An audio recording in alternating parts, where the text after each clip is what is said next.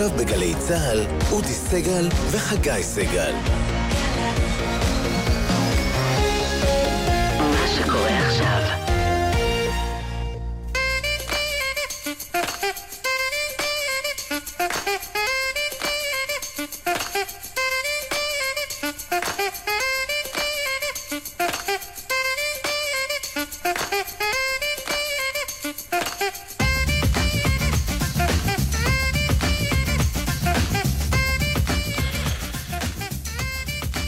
חמישי, שלום חגי סגל. שלום אודי סגל. אז במקום אה, דקל סגל, אה, אתה ואני, מי מי מחליף את מי? אה, ברור, אתה מחליף את עמית, אוקיי. ואני את ירון, ככה לפי שכבת הגיל נראה לי יותר. מתאים. כי כדי כן. להחליף ממש החלפה מלאה, היה צריך להביא את אבא של ירון לדעתי, אבל זה לא הסתיים. בכל מקרה, אנחנו מאחלים להם חופשה נעימה וננסה לשמור על הגחלת בתוכנית מעניינת. כמובן נתחיל עם פרשת הגשר. גשר יהודית שאף אחד לא ידע על... עד את- עד אתמול בבוקר לא- לא שמענו על זה בכלל, על זה אגב הגשר. גשר רק יהודית או יהודית ודמוקרטית? זה יהודית מונטיפיורי, אתה יודע? זה לשמה הקרוי, אה, אישה שחיה לפני 200 שנה, כבר הסתובבה פה בארץ. כן. אני לא ידע איך יוציאו את דיבתה רעה במשבר פוליטי שנראה אה, משבר על סטרואידים בתקופת אה, קיץ אה, חמימה ושקטה. שר אה, התחבורה ישראל כץ, שכבר דיבר אתמול במהדורת החדשות, וכבר היום, אה, וכל רגע יש לו על מה להגיב, כי יש את ההתקפות של מקורבי ראש הממשלה, יהיה איתנו, וגם סגן שר האוצר, איציק כהן מש"ס, גם על המימון וגם על הטרטור, כי בכל מקרה כרגע יש על דוחים. כן, שניהם אה, נגד אה, עבודות בשבת, אבל יש איזה ניואנסים, ומעניין ככה לפשפש בזה. אה, אחרי תשע וחצי נדבר עם גדי ירקוני, אה, ראש המועצה האזורית אשכול, אה, לא על המלחמה שלא הייתה השבוע, ברוך השם, אלא דווקא בנושאי בנייה. יש שם ביקוש, אודי. אנשים רוצים לגור שם, אבל אין תקציב. אז מי נחלץ לעזרת גדי ירקוני מהשומר הצעיר, כשלגדי ירקוני אולי אין מספיק תקציבים? תנועת אמנה של זמביש. אוקיי, כי מי שיודע באמת לבנות מתחת לרדאר, בלי שהממשלה יכולה לעצור אותו, זה רק המתנחלים, נכון? אכן, בדיוק צריך, כך. צריך עצה. אה, נדבר על אה, דונלד טראמפ וההסתבכות שלו. תשמע, האמת, ההסתבכות של דונלד טראמפ זה הפך להיות כותרת כמעט קבועה, כמו מזג האוויר, כרגיל, אבל הפעם העובדה שהעורך דין שלו מעיד נגדו אה, מייצר ש- שאלה גדולה. האם זה באמת אולי תחילת הסוף? האם זה קצה הסוף? האם זה עוד מכה קטנה בכנף? נדבר עם יאקי דיין, מומחה לענייני הברית, שהיה קונסול אה, כללי של אה, ישראל אה, בלוס אנג'לס, ועם קרולין גליק מהג'רוזלם פוסט ומעריב, שהיא אחת מהקולות הנשיים, העיתונאים הבולטים, שאומרים טראמפ הכי טוב לישראל. כן, היא אוהדת מספר אחת של טראמפ כאן בארץ. פוליטיקאים, הם נוהגים להבטיח הרבה הבטחות לפני בחירות, גם אחרי בחירות, ואתמול אמר כאן בגלי צה"ל צחי הנגבי, שאל תתייחסו בכלל למה שפוליטיקאים אומרים לפני בחירות, ממש לא חבל, ממש חבל להשקיע בזה ככה אנרגיות של אמון, אה, הכל על הקרח. אז ננסה לדבר עם פוליטיקאים אה, בהווה ולשעבר על הבעיה הכאובה הזאת. כן, יהיה איתנו אה, איתן כבל ויהיה איתנו משה קלוגהפט, אחד היועצים הפוליטיים המדוברים, שיצר גם סדרה. בנושא, אגב, אני מסכים עם צחי הנגבי, ואנחנו נדבר על... אה, אתה מסכים? אני מתקומם נגד זה ממש, כן, נגד כן. האמירה הזאת. אוקיי. אני חושב שצחי הנגבי זה, זה קצת כמו לדבר עם חמאס. אתה יכול להתעלם מהעובדה שהוא נמצא מעבר לגדר, אבל זה מה שיש מעבר לגדר. ולפי דעתי צריך לצאת לא נגד האמונה, אלא נגד ההבטחה. מה אתם מבטיחים? הרי אתם יודעים שבלאו הכי לא תקיימו. צריך לתת כיוון, אבל אה, בסדר, אוקיי. כן. אז, זה לא נגד האידיאולוגיה, זה נגד השקר הטבוע בפוליטיקאי שמבטיח משהו שהוא יודע שהוא לא יקיים, אבל אנחנו נדבר על זה אחר כך, נ, כן, נ. נלבן את הנושא הזה, וגם הפינות הקבועות, אה, איש מן היישוב, ו... אדם מן היישוב. אדם מן היישוב. היום אה, מוכר סביח. כן. סביח, אה, זה מעניין, אני קצת חקרתי בנושאים ביממה האחרונה. ואורי אבנרי, גם נזכיר, הלך השבוע אה, לעולמו בגיל אה, 95. הוא תרם את הארכיון שלו לספרייה הלאומית בירושלים. אה, ירון צחיש, הוא מנהל את ארכיון אבנרי אה, שם בספרייה הלאומית בגבעת הרם, אז אנחנו נדבר איתו. אוקיי, ואנחנו גם כמובן שיחה בהפתעה. אה, עורכת התוכנית אה, אילן ליאור, אה, אה, מפיקות אה, שיר אסרף וגל ויצנר, אה, ואנחנו נהיה כאן עד השעה 11. חגי, נקווה שאנחנו נעבור את זה בשלום, ושהבן שלך כן. לא ייתן לך בראש כשהוא אה, חוזר מהחופשה. שלום אה, לשר התחבורה והמודיעין ישראל כץ. שלום, בוקר טוב, אה, סגל סגל. אה, תגיד לי, איך הסתבכת כאן? תראה, את, אה, של מקורבי ראש הממשלה אומרים שאתה כבר מתחיל להרגיז. כן, אני לא שמעתי. אני אה, קיבלתי אתמול, אם כבר, אה, לא יודע למה צריך לקשור את נתניהו לכל נושא במדינה, הוא באמת לא קשור לדבר הזה.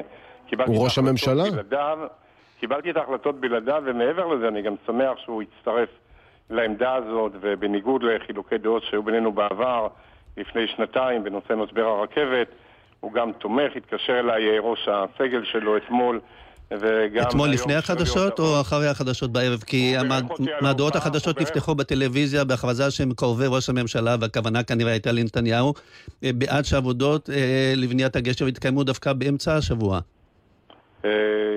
ראש הסגל שלו התקשר אליי אחרי ההופעה, שיבח מאוד את הופעתי על דעת ראש הממשלה, והודיע על תמיכתו בכל ההחלטות שקיבלתי גם אה, הבוקר. אבל אה, בכל מקרה אני מקבל את ההחלטות האלה על סמך אה, דברים אמיתיים שקורים. אני קיבלתי את ההחלטה, שמבחינתי החלטה נכונה, מבחינה ערכית ומקצועית.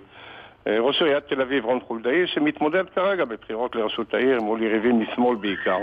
הוא עשה כאן מהלך פוליטי ציני, הוא הוציא הודעה מתגרה, מקוממת, הוא הוציא אותה דרך חברת נתיבי איילון שהייתה כפופה לו בעבר, על סגירת נתיבי איילון לשישה סופי שבוע שלמים בשביל להקים גשר הולכי רגל. אבל אומרים שזה תוכנן, לא היה- אה, דבר- שזה תוכנן שנייה, מזמן. דבר שעוד לא היה בתולדות מדינת ישראל לעבור פרויקטים ענקיים. העבודה הזאת נועדה לצבור הון פוליטי, לפגוע בחרדים, אבל בדרך בעצם, וזה הדבר שקומם יותר מכל, הוא היה מוכן לפגוע במאות אלפי נהגים שנוסעים מדי סוף שבוע בנתיבי איילון, כולל הרבה חיילים שנמצאים... אה, אז לא הרמת לו. להנחתה, תראה, הרי אם, הוא, אם באמת זה נניח פוליטי, הרי חברת, חברת נתיבי איילון היא חברה ציבורית. והיא לא אמורה לקבל בכלל הנחיות. אה. אה, יש לי גם שאלה, בכלל לך כשר התחבורה יש סמכות להורות לחברת נתיבי איילון לעבוד או לא לעבוד בשבת או לא. בשבת? אני אסביר את ההבדל בין זה לבין מה שהיה לפני שנתיים ומה שקורה כל שבוע. אין לי סמכות לאשר בקשות לעבודה בשבתות. את זה מפעיל לשר העבודה והרווחה, הוא מפעיל שיקול דעת. אבל יש לי סמכות וחובה לקבוע מדיניות. ולא ראש עיריית תל אביב, לשיקולי בחירות עירוניות, הוא יקבע מדיניות אם סוגרים או לא סוגרים. אבל מה שאתה אומר כאן לשר התחבורה זה שחברת נתיבי איילון. אתה בעצם מאשים את חברת נתיבי איילון בכך שהיא הפכה להיות אסקופה נדרסת, שמשתמש של רון בפוליטיקאי, במקרה הזה, ראש העיר תל אביב, רון חולדאי. אז יש פה בעיה, אם היא חברה ציבורית, היא דואגת לרווחת הציבור, לא לרווחתו, לא של השר ישראל. כץ, ולא אה, לראש העיר. אם הפרט הטכני הזה מעניין, היא הייתה חברה מעורבת של עיריית תל אביב והממשלה, וחולדאי שלט בה. אה, הוחלט משיקולים מקצועיים להפוך אותה לחברה ממשלתית, ועדיין כנראה שיעורי ההשפעה שלו שם אפשרו לו לפעול. יכול להיות שהתחילה... אבל אתה יכול להורות. לחברה ממשלתית מה לעשות, או שהיא... אז יש לך סמכות בנושא הזה? או לא אני עוד לעשות. פעם מסביר, החברה הממשלתית כפופה לסעיף 4א של שיקולים עסקיים וכולי, אבל אין לי גם סמכות לאשר או לא לאשר אה, עבודות, ביצוע עבודות אה, חיוניות בימי מנוחה, זה רק שר העבודה, אבל יש לי סמכות וחובה לקבוע מדיניות, כאשר כאן יתברר לי, מתוך ההודעות ומתוך זעקות החרדים, אבל כשהתעמקתי לאחר מכן בנושא עצמו, אה, התברר לי שיש כאן דבר שהוא לא נכון. אי אפשר לסגור שישה סופי שבוע, להקים גשר להולכי רגל. מעבר לזה, אני מוביל כרגע מהלך שהוא קשה, מורכב, היסטורי, דרמטי, של פתיחת רק קו רכבת חשמלי מירושלים. מה הקשר לעניין הזה? יהיה, אני אסביר, כי בסוף אתה מקצה שטחים, עבודות וסדר עדיפויות אחד על חשבון השני. בנתיבי איילון, הרכבת תתחיל לעבוד בסוכות. לאחר מכן צריך לחשמל את נתיבי איילון כדי שאפשר יהיה להגיע ברכבת חשמלית אחת לא רק עד אה, נתב"ג או ההגנה, אלא לרחוב, אה, לתחנת אה, סבידור, מרכז, תחנת השלום, דבר מאוד קריטי מבחינת רוב הנוסעים, להגיע וגם... אז גם זה. יידחה, הבנו. ולכן... פה פורסם שגם הדבר הזה יידחה. שנייה אחת, הוא לא יידחה, הוא ייפתח. הוא ייפתח בדרך שתהיה החלפת רכבת בנתב"ג, כמו שקורה מרכבת חשמלית לרגילה, עד שיסיימו לחשמל את נתיבי איילון עצמם, לעשות שם עבודות. לכן ההנחיה שנתתי, לא עושים שום עבודה אחרת על, ה, על הנתיבים האלה של איילון, על המסילות, מלבד העבודה הזאת. אתה אומר הפקק זה רק עליי, אתה אומר הפקקים באיילון זה רק על חשמול הרכבת ולא על אה, לא, פרויקטים אה, אחרים. חברים, תשמעו טוב. קודם כל, לא, העבודות על הגשר הזה יידחו חצי שנה, אלא אם כן... אתה חושב אולי שבכלל לא צריך את הגשר הזה? ככה עלה מדבריך, זה גשר להולכי רגל, אולי בכלל לא צריך אותו. גשר להולכי רגל, הוא גשר שמדברים בו גם ככה עשר שנים, הוא בכלל, שאני מעמיד אותו מול הרכבת לירושלים. והשלמת הקו הזה, שיוכלו לנסוע באופן ישיר, אה, עשרות אה, ומאות אלפים ומיליונים מירושלים, כל החשיבות הלאומית, הכלכלית והתחבורתית, זה בכלל לא דומה. ולכן יידחה הנושא של הגשר חצי שנה עד שיסיימו את הדברים האלה. אז אתה בעצם טוען שחולדאי דחף לנו את גשר יהודית רק בגלל שיש בחירות אחרי סוכות? תראה, הנושא הזה היה מונח, אבל הוא דחף אותו בהודעה ובכל הסגנון ובכל הדברים על רקע הבחירות המוניציפליות באופן חד משמעי. אגב, ההודעות יוצאות גם מהמטה שלו, אפילו לא מהעירייה, כל הדבר הזה הוא ברור, הייתה כאן פרובוקציה, אבל אני את ההחלטות, אני לא אכפת לי הרי מה קורה בבחירות לעיריית תל אביב. מעניין אותי מה קורה ואיך אני מונע סבל מתושבים, מחיילים, מאזרחים, גם באמצע השבוע, שאני לא אאפשר לעשות את העבודות האלה, וגם בסוף שבוע. אבל איך אתה מונע את זה, השר כץ? באמת, אני לא מצליח להבין דבר אחד. אתה אומר, אני אדחה את זה בחצי שנה. בעוד חצי שנה ייגמרו הבחירות לתל אביב. אולי יהיו, אגב, אולי, רגע, אולי אגב יהיו. אולי בשלב הזה כבר יהיו אולי בחירות כלליות, ואז. יעמדו אנשים בפקקים בשביל גשר אה, הולכי לא הרגל? יעמדו דקה אחת בפקק בגלל הגשר איך? הזה. אני הנחיתי את איך? חברת תסביר. נתיבי איילון, תקשיבו, הנחיתי אותה למצוא דרך להקים את זה בלילות. אני דיברתי הבוקר עוד פעם. הם אומרים שצריך המהנדסים 21 שעות כל פעם בכמה הקימו- מחזורים. הקימו, הקימו את גשר המיתרים בלי לעבוד בשבתות, וגם אה, גשרים בתל אביב, יש שיטות, גם בחו"ל מקימים בלילה. אם לא בלילה, אז זה יידחה. אני מודיע שגם עוד חצי שנה לא נסגור את נתיבי איילון בדרך שמדובר בה על מנת... רגע, יש לי רעיון, אולי. ביום הבחירות לכנסת ולרשויות המקומיות שזה שבתון, אז נבנה את הגשר. תשמעו, אם תהיה השבתה של נתיבי איילון כדי לעשות באמצע השבוע, נאמר, עבודות, חשמול, כמו שהיה עכשיו בין נתב"ג לתל אביב, הרי אנשים נשאו כאן בנטל. אז יתכננו ויגישו לי את ההצעה מראש.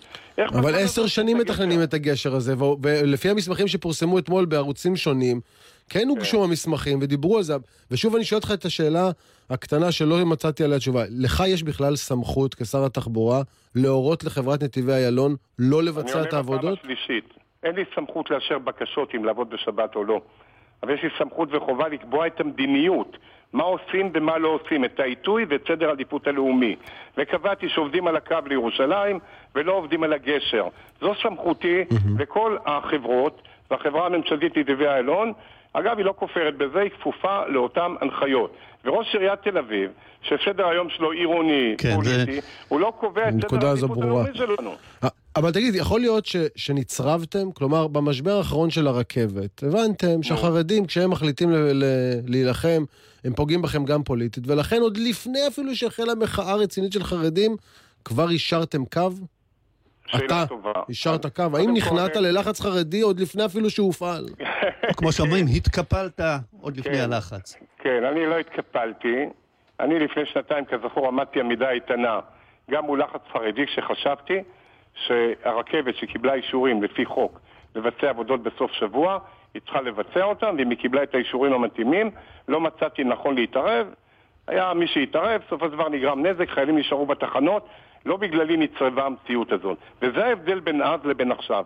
אז חשבתי שהעבודה היא צודקת, היום חשבתי שהעבודה היא לא צודקת ולא נכונה, ואני מסביר.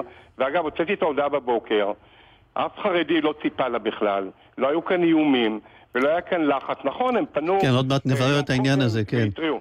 אה, אני קיבלתי החלטה מקצועית, ערכית נכונה. עכשיו אני רוצה לומר, החלטות כאלה קיבלתי כאשר הובלתי רפורמה קשה מאוד בנמלים לתחרות. בתשתיות בישראל, תחרות והקמת תשתיות מדן ועד אילת. טוב, זה לא-. לא נגע אז ל- אני פתחתי לשבת. את השמיים לתחרות והוזלת המחירים מול כל ההתנגדויות. אני עשיתי רפורמה ברכבת. אתה לא מדבר על-. על השמיים ועל אני אמרתי הרכבת. רק לפני שנתיים בלחצים האלה.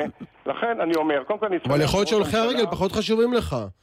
מה? זאת אומרת, יכול להיות שהולכי הרגל, זאת אומרת, נוסעי השמיים, רוכבי הרכבות, נוסעי המכוניות, אבל אה, הולכי הרגל, אתה אומר, טוב, יאללה, מה, כמה כן, הולכי אז- רגל יש אז בתל אביב? כמה מהם באמת יבואו איתי חשבון מתישהו? מאות אלפים שנוסעים והולכים, אנחנו מטפלים. אני רוצה לומר ככה, אה, בעניין של חולדאי. לא, זה דיברנו עליו אולי. לא, על חולדאי כבר אמרנו, אני- אתה כן, לא, אתה- אתה מעורר אצלי את החשד שאולי היית מתכוון לרוץ לראש עיריית תל אביב. כן, ממש לא. חולדאי, חולדאי, חולדאי. אני חושב גר שאלה, לא? הרי הגשר הזה הוגש לפני עשר שנים, הוא מי- מיועד להולכי אני רגל. רוצה להסביר דבר פשוט. האם אני אתה חושב שהוא לא חיוני? לפני שלוש שנים. עובדה שהוא לא היה חיוני. הגשר הזה הוא ליד גשר השלום. אפשר לעשות גשר קל, גשר נורמלי. כל הדבר הזה, אני הולך לבדוק אותו לעומק. רק אם עוד ש- המחיר, אם כן. המחיר לדבר גרנדיוזי וחצי מיותר הוא חסימת איילון לשישה סופי שבוע, זה דבר שלא יקרה, לא עכשיו ולא בעוד חצי שנה. אני אומר, רק שאלה, כן, זה עניין העניין הזה, אני רק רק רוצה לומר דבר אחד, אני לפני שלוש שנים בדיוק פוצצתי את גשר מעריב להתחיל בעבודות על הרכבת הקלה כדי שכל התושבים והולכי רגל וכולם יוכלו לנסוע בבטחה וביעילות בתוך תל אביב. אתה יודע מי לא היה שם? רון חולדאי. כאשר הוא ואנשיו כן, אמרו. שכל העיר תהיה מלאה משהו- ובחולדות. אה, רק בכל זאת נשאל אותך מתבצעות. עוד שאלה אחת אה, אה, חשובה לנו לדעת. הזכרת פה את הרכבת לירושלים. בסוכות היא תיפתח סוף סוף? היא תחנך? כן, אני היום, בסיום השיחה הזאת, נוסע לישיבת עבודה שבה יסוכמו הדברים, והכוונה היא שבסוכות הרכבת תתחיל לעבוד. אמרתי, עם החלפה מרכבת חשמלית לרכבת רגילה. זה עוד חמישה שבועות. בנתב"ג. מה? עוד חמישה שבועות בסך הכל. נכון, עם החלפה. אני חושב שזה דבר היסטורי, אני משקיע בו הרבה מאמצים, מתגבר על הרבה קשיים, והקטע של נתיבי איילון, שיצטרכו לחשמל אותו, כדי שכל אחד יוכל להגיע ישירות לתחנת המרכז, סבידור וכולי, וזה ישרת הרבה מאוד אנשים, הרבה מאוד אנשים. אגב, לי כנוסע, מה זה משנה אם הרכבת היא חשמלית או לא? וגם מבחינת... מה? לי כנוסע, מה זה משנה אם הרכבת היא חשמלית או לא? לא, כי אם איילון לא מחושמל, הרכבת החשמלית לא יכולה להגיע לשם. לא, אבל, אבל, אבל זה שהחלפתם את זה לרכבת חשמלית, זה משפר במשהו את אה, שירותיי כנוסע, את הקרון, את זמן. ההגעה? קודם כל, קודם כל רכבת שינה חשמלית לא יכולה לעלות את העליות של ירושלים. הרכבת החשמלית היא יכולה לעלות גם כן אחוז אחוז שיפוע של שלושה אחוז, וגם אם מגיעה 80 מטר מתחת האדמה, התחנה המדהימה שם, כי אחרת אה, אי אפשר היה לה, בשיפוע הזה להגיע משער הגיא לשם. בפרויקט מדהים, עם מנהרות, עם קשרים, פרויקט לאומי. כרגע צריך להשלים, ותראו כמה זה קשה. טוב. גם הוויכוח הזה על הגשר הוא חלק מהקשיים שעומדים בפניי בהשלמת הפרויקט הזה. היו הרבה דברים אחרים, ואני נחוש לבצע את המשימות, ואתם יודעים מה? בסוף, מכל הרעש הזה שקיים, שחלקו באמת בתום לב וחלקו מכוון, במתקפה רבתה, רבתי עליי ועל הממשלה, הייתי אומר, זה פרומו לקראת הבחירות הבאות. כן, מה מחכה פחות או יותר בהצפת נושאים באופן מלאכותי? אז אני אומר לכם, בסוף הציבור מודד אותי, את הממשלה, את ראש הממשלה, בעשייה. בביטחון במדיני וגם בעשייה הפנימית. ואני, ברוך השם, מקבל ציונים גבוהים ביותר מהציבור כן. על מה שעשיתי בכל המדינה, כן. על חיבור המדינה ועל כל הרפורמות. וגם הדבר הזה, בתוך כמה חודשים, ייזקף כולו לזכותי. גם מי שכרגע תוהה וכועס ומושפע מכל מיני כותרות, הוא יראה את התוצאות ואת הרכבת לירושלים ויגיד שצדקתי. ואין כמו דחייה טובה. תגיד, את אותה גישה הזאת של דחיינות, או של אה, לדחות פרויקטים ולבחון אותם לעומק, הממשלה אני נוקטת לך, באופן. באופן מדיני, אה, עושה גם מול חמאס? אה. כי נראה שמדברים על הסדר ועל הסדר, אבל כל שנייה זה נדחה, בוא- ובעצם בוא המציאות זה ההמתנה. להסדר שאולי מעולם לא יגיע, אבל הוא בעצם מתקיים בואו לא בפועל. נתחיל לדבר, לא נתחיל לדבר כאן על נושא עזה, אני עומד על זכותי להתראיין כשר תחבורה, בדרך כלל מאשימים אותי ההפך. זה נכון. מתראיין כשר מודיעין, יש לי דעות מאוד מגובשות. שניכם מכירים אותם דרך אגב, כל אחד מההיבט שלו. מאוד מגובשות על הקונספט של בידול בין עזה לבין ישראל ויו"ש, על היפרדות של ישראל מעזה, על מעבר להרתעה תוך כדי מניעת התחמשות אסטרטגית של החמאס. אם היו שומעים לי, לא היינו במצב הזה, אבל בואו, בדבר הזה בואו נחכה שהדברים יתבהרו, ואני אומר את עמדותיי בצורה ברורה. יכול להיות ששר הביטחון אביגדור ליברמן באמת נפגש עם שר החוץ של קטר, כפי שפורסם אתמול בוואלה, ומתגבש פה איזשהו הסדר מתחת לפני השטח? אני אה, לא יכול אה, להתייחס לפגישה כזו או אחרת, אבל אין ספק שיש מגע עם הקטרים, גם דרך האו"ם. אה, הקטרים זה אחד הגורמים שמוכנים לממן סיוע לפלסטינים. כמובן זה מורכב מאוד בתוך העולם הערבי. קטר ומצרים זה לא בדיוק ביחד, גם לא סעודיה.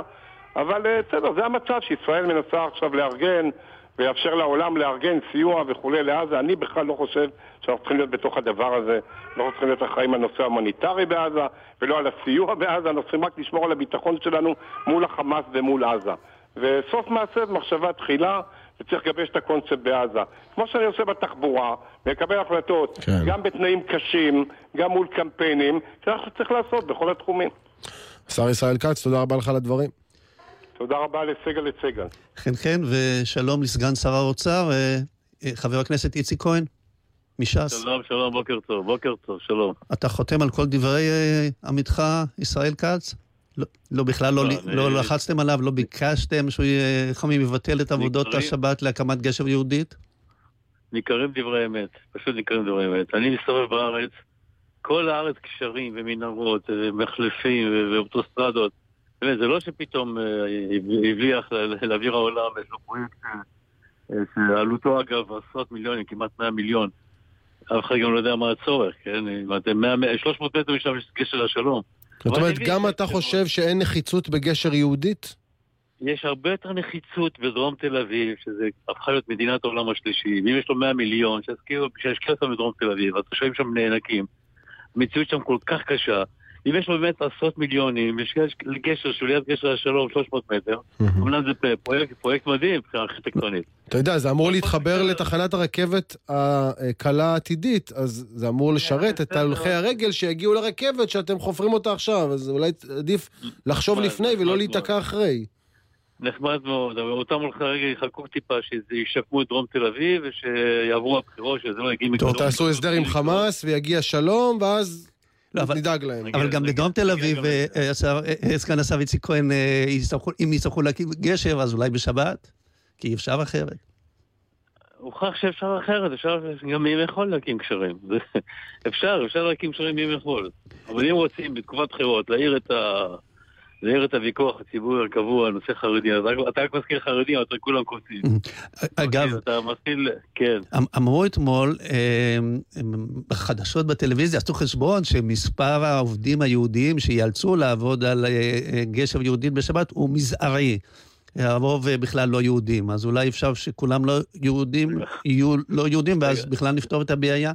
רגע, יש לי עצה טובה. בואו, שנינו לא שלושתנו לא ניכנס ל... לתעלה הזאת שחפרו לנו בסיפור הזה, כן? אה, מישהו פה... לא, לא הבנתי. למה? מישהו עשה פה גימיק, מנסה לסחוב את כולם בתוך הוויכוח הזה. בואו לא ניכנס, לא ניכנס לזה. איזה? אוקיי? לאיזה אה, גימיק? לא, לא, הנקודה שלך אינה ברורה, תסביר. גימיק בחירות, מתקרבים לבחירות העירוניות המוניציפליות, צריכים להעיר את השטח, מאז משבר וייטנאם יש איזה מצב לא כל כך פשוט. אה, אז בואו בוא נשים גם איזשהו פרויקט אה, מגלומני יפה, אבל ארכיטקטוני, זו הייתה תחרות ארכיטקטית. כן, וגם נעיר את החרדים, נגיד שישה שבתות רצופות, בתוך הימים הנוראים, נעבור איזה ככה לסדר רעש, ואוקיי. אני לא נכנס ל... אבל השאלה אם אתם לא משחקים לידיהם של אותם לכאורה אנשי גימיקים, כי אה, במובן מסוים ישראל כץ סינדל אתכם. הנה, הוא נתן לכם את מבוקשכם עוד לפני שאפילו הזזתם... ציצית ממקום למקום. ישראל, ומצד ישראל שני, ומצד שני, על פי פרסום של החדשות, ב-22 אה, אה, אתרים בשבת האחרונה התבצעו עבודות כרגיל. זאת אומרת שאתם בוחרים מתי להתרגז על עבודות בשבת ומתי לשתוק ולהעביר את זה הלאה. כל פעם שרומסים את השבת במרחב הציבורי, אנחנו מזכירים לחוקקי חוק הלאום של מדינת הלאום היהודית, כי שזה מדינת העם היהודי, והשבת היא סמל ללאום יהודי, למדינה יהודית. אבל אוקיי, אז כבר נכנסים לתוך התעלה הזאת. שוב, היה פה ניסיון להכניס, והצליח אגב, מאוד הצליח, להצית פה אש בין אה, חרדים ובין שאינם חרדים. והתעורר ויכוח ציבורי, ואז אתה יודע, זה משרת מישהו. זה טוב ליאיר לפיד גם, לא רק לירון חולדאי. נכון, נכון, זה טוב לכולם שניזונים ומתפרנסים מהמאומות האלה. אוקיי, אנחנו לא שם, ממש לא שם. אנחנו נשמור על צביון היהודי של מדינת היהודים, נשמור על השבת. במרחב הציבורי. ו... אבל רק להבהיר, אתם באמת לא לחצתם, התרעתם באוזני ישראל כץ, אולי במחצית הראשונה של השבוע, שהנה הולכים לבנות את גשר יהודית בשבת? ודאי, ודאי, ודאי שמחינו. כל רמיסת לא מוחים, ודאי שמחינו. זה חובתנו למחות. אבל אה, עשו מזה כזה סיפור שהוא לא היה סיפור בכלל. מה אתה חושב על השר חיים כץ, שהוא כן רוצה שיעבדו על הגשר בשבת? אני לא יודע. לא יודע, לא יודע מה הוא רוצה, מה הוא לא רוצה, כן, אבל אה, אין שום ספק שכל הוויכוח הזה משרת, אה, משרת את מאן דהוא. טוב, אפשר לשאול אותך גם שאלה מדינית ככה לקראת סיום? בשמחה. שמעת את דונלד טראמפ, מה שהוא אמר, שנצטרך לשלם אה, מחיר משמעותי תמורת העברת השגרירות האמריקנית מתל אביב לירושלים? תראה, דונלד טראמפ הוא הנשיא הכי נוח שהיה למדינת ישראל, כמעט בכל הבחינות. אוקיי, במיוחד מבחינה מדינית. לדעתי כדאי לנצל את ההזדמנות הזו, לא, אנחנו אלופי העולם להפסיד הזדמנויות. היו כמה הזדמנויות בעבר שיכולנו לנצל אותן ולא ניצלנו אותן. אם דונלד טראמפ אה, רוצה להרים את הכפפה, ואגב, אני... מה, אתה מוכן לשלם מחיר גבוה תמורת אה, העברת השגרירות? ש"ס מוכנה? אה, אני לא מוכן לשלם שום דבר, רק רוצה לך דבר אחד. אין פתרון צבאי לסכסוך הזה. אין. צריכים לשמור על צה"ל חזק, צריכים לחזק את צה"ל, צריכים לחזק את מערכות ההגנה, אבל צריכים גם להבין בסופו של יום שאין פתרון צבאי לסכסוך הזה. כלומר? עוד סבב ועוד סבב. כלומר, כמו שנגמר הסיפור ב- עם מצרים ועם ירדן, בצורה מדינית, גם הסכסוך הזה ייגמר בסוף בצורה מדינית. שתי מדינות לשני עמים? לא יודע מה הפתרון, יכול להיות שזה הפתרון ש... שיוצא בסוף, אבל פתרון צבאי לסכסוך הזה אין. שכולם הפנימו. ואתה אוקיי? מרגיש שגם אבל- ראש הממשלה, בנימין נתניהו, ושר הביטחון אביגדור ליברמן, מגיעים להכרה הזאת? אני מאמין שכל מי שיש לו שכל וקודקודו מבין שאין פתרון צבאי לסכסוך הזה, כמו ששאר הסכסוכים אגב שנפתרו לא, לא בצורה צבאית, אבל מצד שני כן צריכים לשמור על צה"ל חזק, צריכים ערוכים לכל תרחיש, אבל לדעת בסופו של יום שאין פתרון צבאי לסכסוך הזה. אבל מה זה אומר? כל אלה שמתלהמים, מה זה אומר? שכל המתלהמים שם להיכנס, לחסל, להשתלט, לפרק, רבותיי, אם אתם תהיו בזחלם הראשון שייכנס לג'יה, אני אחשוב אחרת. אוקיי, אל תשלחו בחורים לדבר שיהיה בסופו של דבר עוד סבב ועוד סבב ועוד סבב. אז אתה בעצם מקדש את תפיסת השמאל, שאומרת שצריך לדבר עם שכנינו, בין אם זה חמאסניקים ובין אם זה פלסטינים, ולהגיע איתם לעיקרון החלוקה, כך או אחרת. א', מדברים עם החמאסניקים. מדברים איתם. מי שיגיד שלא מדברים איתם, אז הוא לא דובר אמת. אבל אה, שוב פעם... באמצעות לא- מתווך. באמצעות אה, מקורות זרים, זה באמצעות מה, מה זה משנה, מדברים.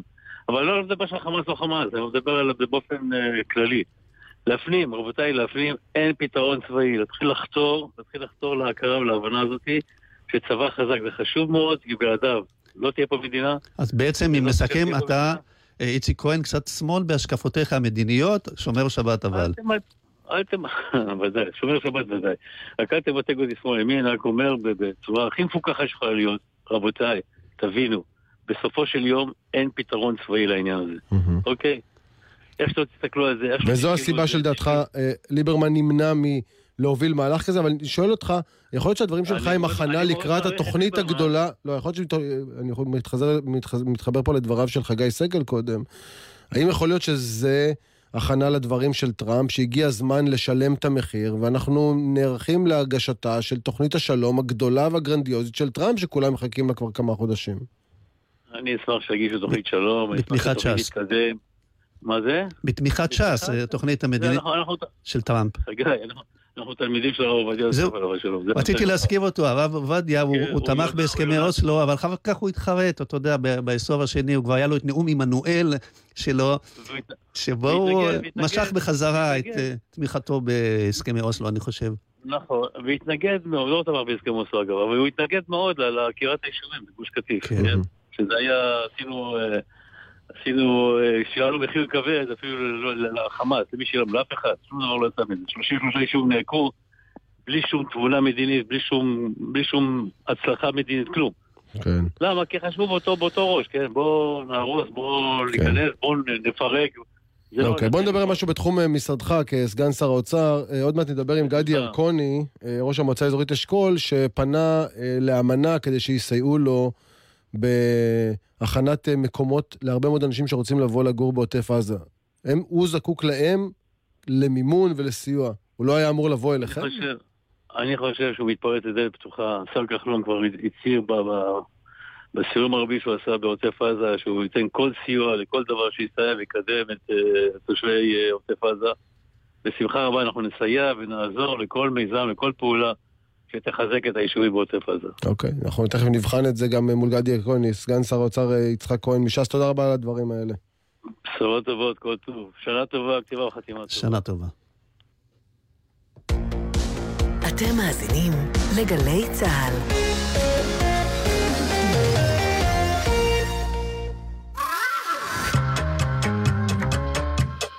דקה ישראלית. השבוע חברים. והפעם קיבוץ רעים. על אף שחברי קיבוץ רעים גאים בשם יישובם, המסמל אחווה וחברות, לא רבים יודעים שמקור השם בטעות בתרגום מערבית לעברית. כשחברי גרעין תנועת הצופים באו לצפון הנגב ב-1949, הם החליטו לייסד קיבוץ ליד תל ג'מה, על גדתו הדרומית של נחל הבשור. במקור מעיד השם על המים הרבים שזרמו בנחל הסמוך בחודשי החורף. אך החלוצים טעו, וחשבו שמדובר במילה ג'מאעה, החבורה, והחליטו לקרוא למקום תל רעים. במרוצת השנים התבררה הטעות, שם הקיבוץ שונה לרעים, והוחלט לייחסו לזכר חברי הגרעין המייסד, שנפלו במלחמת העצמאות, ולזכר הרחבת הרעים של חברי ההכשרה, שהתגבשה בתקופת הקמתו. במהלך השנים נתקבצו ברעים עוד גרעינים של תנועות נוער, וכן עולים חדשים שבאו ליישב את האזור המדברי. בשנים האחרונות סובל הקיבוץ בשל מצב הביטחון. הוא שוכן קילומטרים ספורים בלבד מגבול רצועת עזה, וסופג לא פעם הפגזות ונזקי שרפות בשדותיו. זו הייתה דקה ישראלית על חברים וקיבוץ רעים.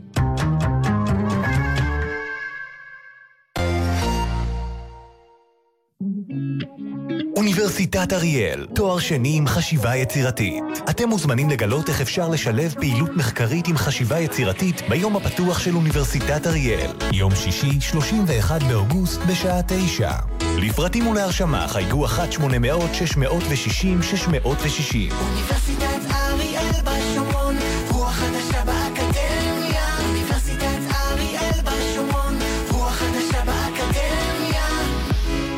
מה אתם מאחלים לעצמכם לשנה החדשה? להיות יחד, עם המשפחה, החברים, עם מי שאתם אוהבים. השנה תהיה טובה הרבה יותר אם נהיה בה יחד. אז למה לא נתחיל כבר בערב ראש השנה? אם אתם אזרחים ואזרחיות ותיקים המעוניינים להתארח בערב החג, או אם אתם משפחות המעוניינות לארח, התקשרו עכשיו למוקד לאזרחים ותיקים במשרד לשוויון חברתי, כוכבית 8840, והמשרד לשוויון חברתי יתווך בין הפונים בהתאם לבקשות שתתקבלנה. כי את השנה הזאת פותחים יחד. אפ אפ אפ, חייל משוחרר, חכה רגע עם הפיקדון בזבזני. צריך להשלים או לשפר בגרויות במכינה? כן. אולי אתה זכאי למימון הלימודים ולמלגת קיום שלא על חשבון הפיקדון. שמור את הפיקדון שלך לדברים אחרים. איפה אני בודק אם אני זכאי? אני שמח ששאלת, אצל היועצים במכינות הקדם-אקדמיות. ותגיד שאנחנו שלחנו אותך. יפה הקרן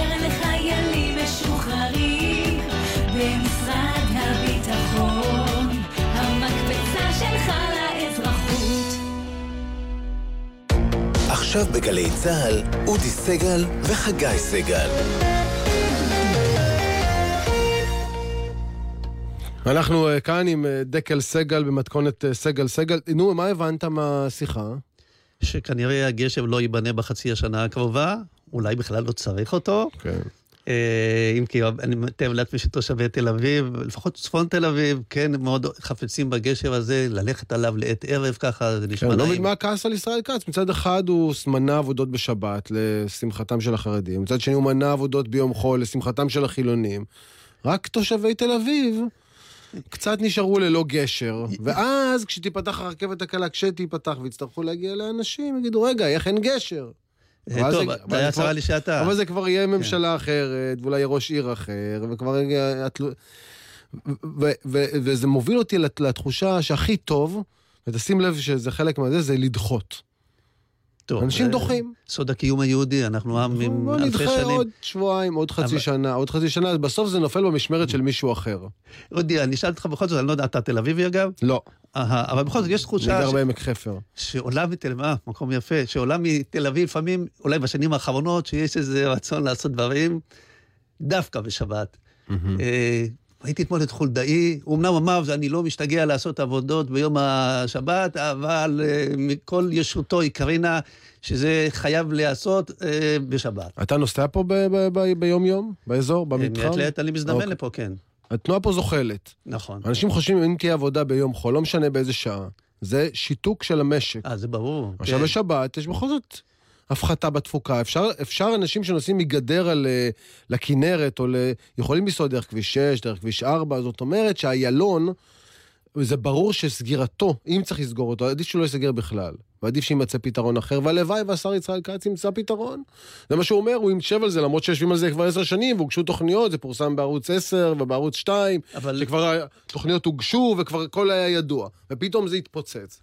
אבל לפעמים אודי סוגרים את תל אביב בגלל, אני יודע, מרוץ המרתון, מצעדי גאווה, לפעמים סתם חוסמים את הכבישים הנכים וכולי, גם בנתיבי זה, איילון. זה, זה טיעון קטנוני, אני אגיד לך למה. קודם כל, אף פעם לא סוגרים את זה ליממה. סוגרים את זה לשעה או שעתיים. בדרך כלל אף פעם זה לא את איילון, אלא רחובות בתוך תל אביב, שבהם תושבי תל אביב בסבלנותם מוכנים להכיל אירועים גדולים מהם, כמו מרתון, כמו, אה, לא יודע מה, איזה מצעדים והפגנות מסוימות, כן? אז שיכילו גם את השבת. מכילים את השבת. השבת, כל מי שישמור על השבת, שישמור על השבת. מדוע, אם, אם יש החלטה שבמדינת ישראל היהודית, אוקיי? החדשה, לא עובדים בכלל בשבת, למעט ש- פיקוח נפש, למעט פיקוח נפש. אז 22 אתרי עבודה ברכבת זה פיקוח לא, נפש? שתהיה ועדת פיקוח זה נפש. הכל זה, הכל זה, הכל זה. ישראבלוף בחייך, נו באמת, זה, זה הכל... עובדים כאן מקום המדינה בשבת. וה, והניסיון להרחיב את זה הוא ניסיון שמרגיש לחלק מהציבור החילוני כניסיון להכיל ערכים שהם לא שלו, על, על, על משהו שלא, לא, ש, שפוגע בסוף ביום-יום. לא, השבת היא בכל זאת גם... ערך האם, האם יש. יהודי אחד שמפריעים לו לשמור שבת? לא, זה לא העניין. אה, אה, גם כשאני לא נמצא פה מנתיבי איילון, מפריע לי, למרות שאני חי בגב ההר, שעובדים בשבת באיזשהו מקום בארץ. אוקיי, כן. בסדר. אז לי. מפריע, דברים אחרים. כל זה צריך מדינה. יהודית ודמוקרטיה, אה, גם יהודית. בוא נראה מה מפריע לגדי ירקוני, ראש המועצה האזורית אשכול. היי, גדי. בוקר טוב, חגי וודי. לי לא מפריע כלום, אני בגן עדן. כן? אה, כן, אין עפיפונים היום, אתמול? אין כלום, שקט, השמש זורחת, אנחנו עובדים רגיל. כיף חיים, תבואו במקום הפקקים, בואו בואו אלינו. שקט נענה בשקט? אה, תראה, במצב אה, שנוצר, כן, אתה יודע, לפעמים אתה מחכה, ל... יכול להיות שביום ההוא זה היה החלטה, לא קיבלתי את ההחלטה שיכולה להתקבל אחרת, אבל היום, במצב שאנחנו אה, נמצאים, אנחנו לא רוצים הסלמה, אני חושב. אנחנו חושבים, אה, אם כבר הגענו לשקט הזה, ולא משנה מה הוא מסמן לעתיד, אנחנו צריכים לראות שהעתיד יסמן לנו שקט כמה שיותר ארוך, ושבתקופה הזאת לא יצליחו לעשות... זאת אומרת, מבחינתם לא מחכים לחתימה על איזשהו הסדר, אלא ההסדר מתקיים בפועל בעובדה שחמאס הפסיק לירות, הפסיק לאתגר את הגדר, ועכשיו אפשר אה, בעצם אה, לקיים את אותה שגרה שהייתה קיימת לפני ההתחממות האחרונה שהחלה במאי. אני חושב שאתה צודק.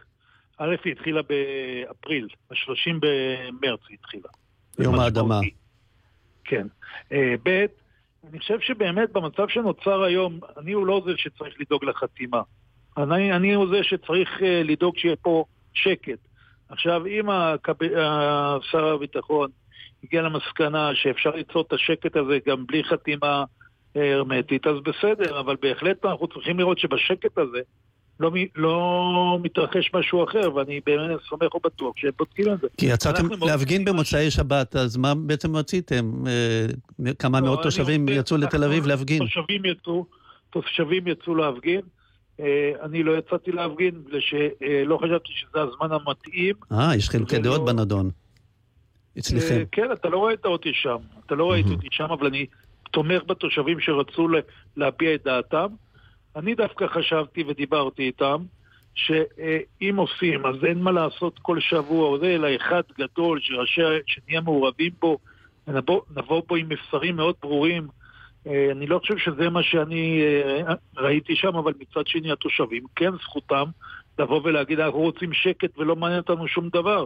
אני בתור ראש מועצה, שאני בא לאירוע כזה, או שאני נפגש עם שר האוצר, או שר הביטחון, או שר החינוך, אה, עם ראש הממשלה קצת קשה יותר, אז אני צריך לדרוש אה, דרישות אחרות.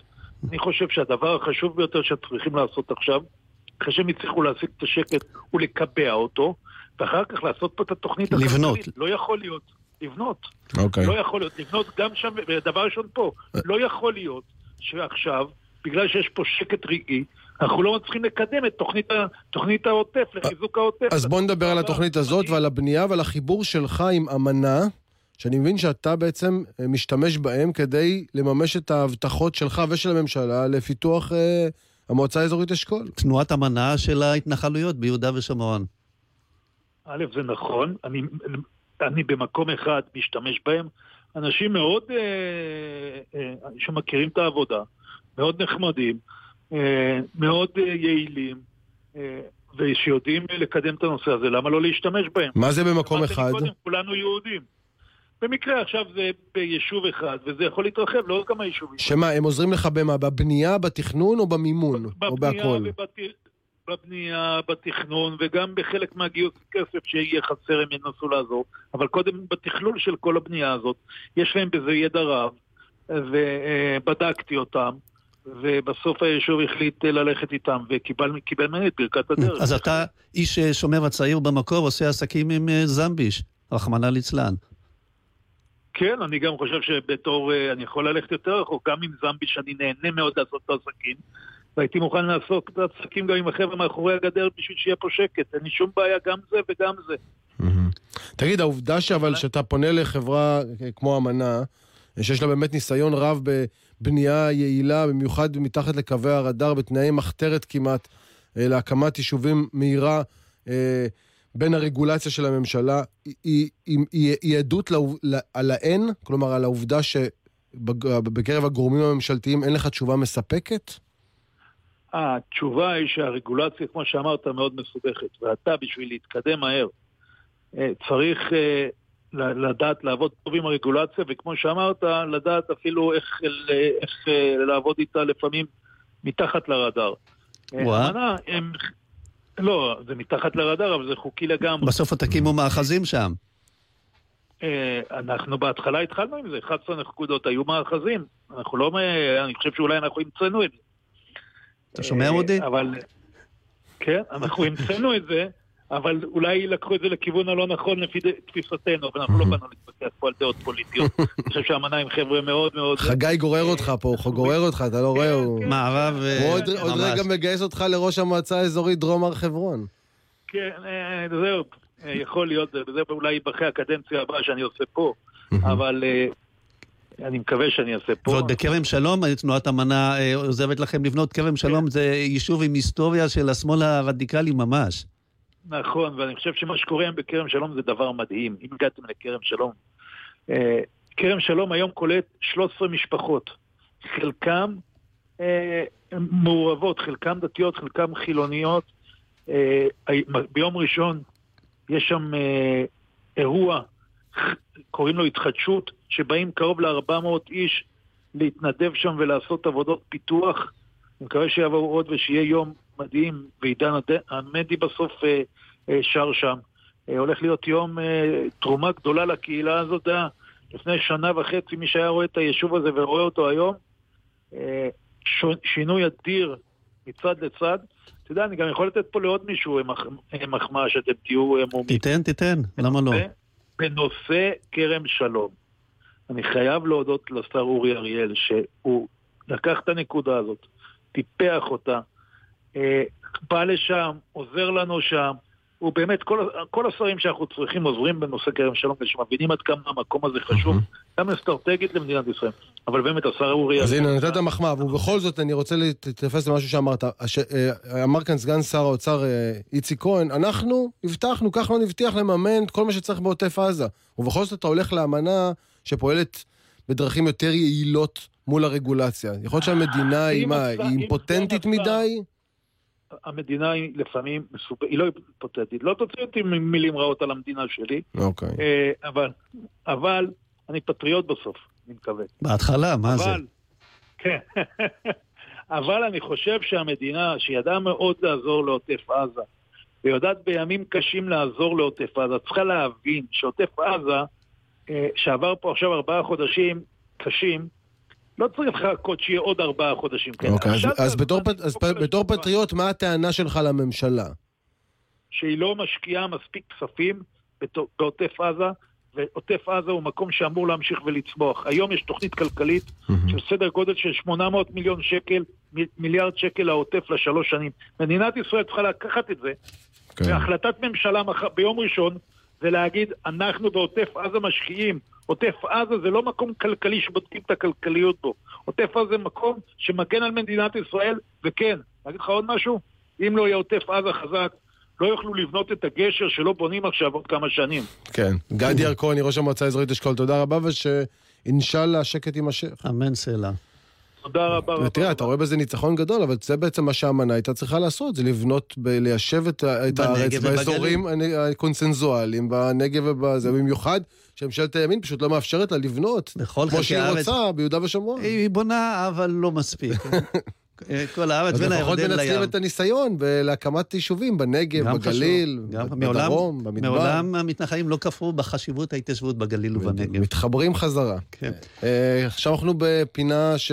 שיחה בהפתעה, החלק הכי קשה שלנו בתור אה, המגישים פה. כן, שאנחנו צריכים לנחש. כן, אז נראה. אה, שלום, מי על הקו? שלום, בוקר טוב. מה שלומך? אני טוב, ברוך השם, מה שלומכם? בסדר גמור. אתה מעוטף עזה? עדיין לא. מוכר לי הכל, אבל אני... אה, מה ככה עיסוקך בחיים בג- בכללי? יודע, אוהב קצת... אה, אוהב מוזיקה. אתה גם... זמר? אה, כן, מפורסם? אני יודע. מה זה בשבילכם מפורסם? אה, משה פרץ נניח, זה מפורסם. אתה יודע, היום כל אחד שמוציא שיר גם יכול יכול להיות גם אה, מפורסם. בסדר, אתה יודע. קובי אפללו. התחלת טוב. אה, מה, בכ- בכיוון של הפרץ? אתה רואה, כן. אמרת משה, אמרת קובי. קובי פרץ. בוקר טוב לכם. בוקר? טוב גם לך. שלום, שלום. שמע, זה... אודי, כל הכבוד. היינו בכיוון, איזה... הס- ה- ה- הקרדיט הוא לסגל, זה- זה- זה הדדי. מה שלומך? נראה לי שכבר סגל ואני כבר דיברנו אי פעם בעבר. אתה כן. מתבלבל אולי עם סגל אחר. אז יכול להיות. יש פה יותר מדי סגלים, אני אומר לך. השתלטו על התקשורת כל הסגלים. אה. מה שלומך בימים אלה אחרי אה, הפרשייה, המאסר. היציאה? אני בסדר גמור, הכל בסדר, הכל טוב, תודה לאל, ברוך השם. אין כן. תלונות. כן, קראתי את החוויות שלך שם, מאחורי הסורגים. אה, אולי בכל זאת אתה, כשהפרק הזה מאחוריך, אתה מרגיש שהוא תרם לך משהו, עשה אותך אדם חזק יותר, מוכן יותר לקראת העתיד. אתה יודע, אני רואה, אתה יודע, בחיים לפעמים אני אומר שאולי לא הכל טוב, אבל בסוף הכל לטובה. יש אה, לנו, כבני אדם, יש המון שאלות שאנחנו לא יודעים אה, למה וכמה ואיך.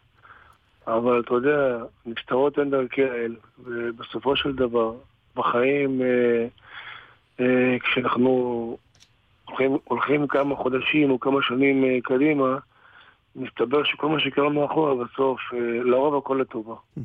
באיזה מובן? ב- בשבילי זה ב- כמעט בכ- בכל המובנים. שכל מה שקורה בסוף בחיים זה הכל לטובה. לא, אבל אני מנסה להבין, כשאתה אומר הכל לטובה, האם הכוונה שלך היא שאתה הרגשת במהלך שעברת שאתה לא מספיק מודה על מה שהיה לך לפני כן, שאולי ליבך היה גס בחלק מהטוב ש... לא, שהוא עף עליך? הוא- אני אמרתי את זה גם בכתבה, גם, גם בעיתון וגם בטלוויזיה. לפעמים כשאדם חוטא באיזשהו חטא היוהרה, אתה יודע, אומרים שומר פיו ולשונו, שומר מצורות נפשו. אז אה, כן, הייתי שם באיזשהו שלב בחיים. אני כבר אחרי זה, אני עכשיו מתעסק בעשייה, במוזיקה, ב- בכל דבר שהוא חיובי, בכל דבר שהוא... אה, בכלא, אגב, כתבת קצת? בכל זאת, כשהתאוששת מחוויית זה ששמים אותך לא, במקום לא, שאתה לא, לא יכול לא לצאת. ממנו. אני לא כותב, אני פחות כותב, אני- יותר מלחין. כן, אוקיי, אבל זה דיכא לך את היצירה, או יצר, או עודד לך איזה פרץ אה, יצירה התקופה הזו? עשה אותי יותר בפריחה. יותר בפריחה עשה אותי. כן? יש הרבה זמן לחשוב שם. ותגיד, מה, מה היום-יום שלך לא, עכשיו? זאת אומרת, חזרת למה? ל- ל- יום-יום הוא... אה, לעשות יום אה. שירים, חתונות, הופעות, מה... הופעות, שירים, חתונות, כמעט אני, אני כמעט כל היום ב, ב, או, ב, או באולפנים, או מאתמול אני כבר התחלתי כבר, אה, כשיצא אתמול הסינגל החדש, אתמול הייתי לפחות באיזה... אה, תודה לך. הייתי ברדיו ירושלים. תודה לך, ממי. ירושלים. תודה לך, ממי. ממי. אני כל היום רק מתראיין רק לתחנות רדיו, ואני כל היום אה, מקליט, וכל היום שומע שירים. ובעשייה של, אה, של הופעות, חזרנו ויש להופיע, ברוך אנשים שאולי אה, ככה מתייחסים אליך עכשיו אחרת מאשר לפני אה, הכלא וכל הפרשה הזו של ההסתבכות? אחרת במובן החיובי, כן. אני יכול, כן? אני יכול לומר לכם שב-25 שנות קריירה שלי, ועשיתי קצת דברים בחיים, לא... מ- אני יכול לומר שבאף חלק בקריירה שלי לא קיבלתי חום, חיבוק, אהבה ואהדה ככה מה, מהקהל ברחוב, ובכלל מה, מה, מהציבור. זה כיף כן, לשמוע. יש גם תגובות קשות שמעליבות אותך? אה, לא, באמת שלא. אפילו אחת לא נתקלתי עדיין. איך הצלחת לשכנע את הנשיא ריבלין לתת לך חנינה? מה הסוד? כי לא לא כל אחד מצליח בנושא הזה. לא כל הסיר. מה נגע לי ליבו? מה נגע לי ליבו? קודם כל, זה בקשה, זה בקשה שלי שנייה אליו, דרך אגב. הראשונה לא התקבלה, והשנייה, איך אומרים, אל הרחום וחנון החדיר בו איזושהי אה, בינה ודעת, אה, לתת לו להבין שהוא קיבל איזשהו תפקיד, וברוך השם, אני מודה לו על כך. דיברת איתו אחרי? לא, עדיין לא. אבל אני אשמח להופיע, אני אשמח... אה, בבית הנשיא. בגירת מעגל, ולהופיע בבית הנשיא. אני מאמין שזה יקרה בעזרת השם. קובי פרץ, תודה רבה. אני גם מאמין. היה כיף לדבר איתך, והנה בוא נשמע לסיום התוכנית את... אה, תודה לך, ממי. תודה לך, ממי, השיר החדש. שלך. תודה רבה לכם. שיהיה לכם. שלום. ביי ביי.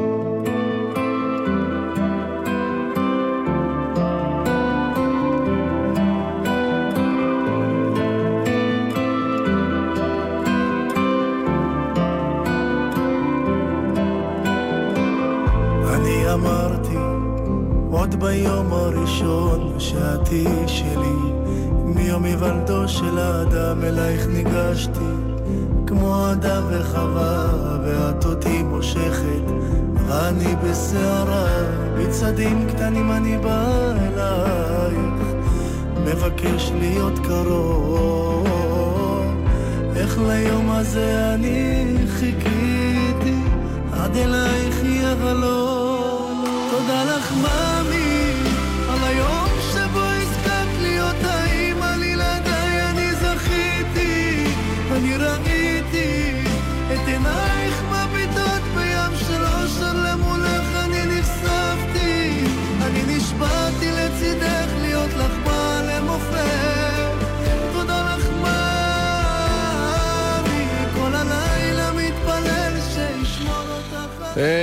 אמרתי סוף התוכנית, זה סוף השעה הראשונה של התוכנית המשותפת שלנו, חגי. שעה שלמה יש לנו. בדיוק, יש כן. לנו עוד שעה שלמה עם הרבה מאוד אה, אה, עניינים שאיתם אה, נדבר, בעיקר על הבטחות הפוליטיקאים, ולמה הם מבטיחים, ולמה אם הם מבטיחים הם לא מקיימים, גם נדבר בינינו וגם עם משה גלוגפט ועם אה, אה, איתן אה, כבל, נדבר על אה, אה, העיתונאי שאסף את כל הארכיון של אה, אורי אבנרי, גם על ההסתבכות של טראמפ ועל הדיקנית הערבית הראשונה, ואדם מן היישוב. אה, הסביך של אורן. חזרו אלינו מיד אחרי החדשות, אנחנו מחכים לכם. איך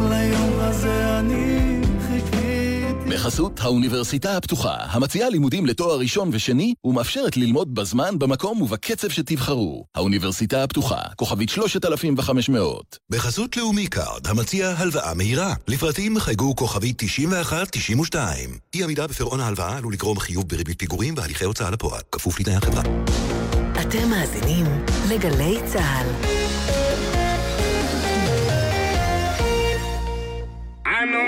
מכריזים בזאת על אירועי הקיץ של קק"ל, יהיה שמח!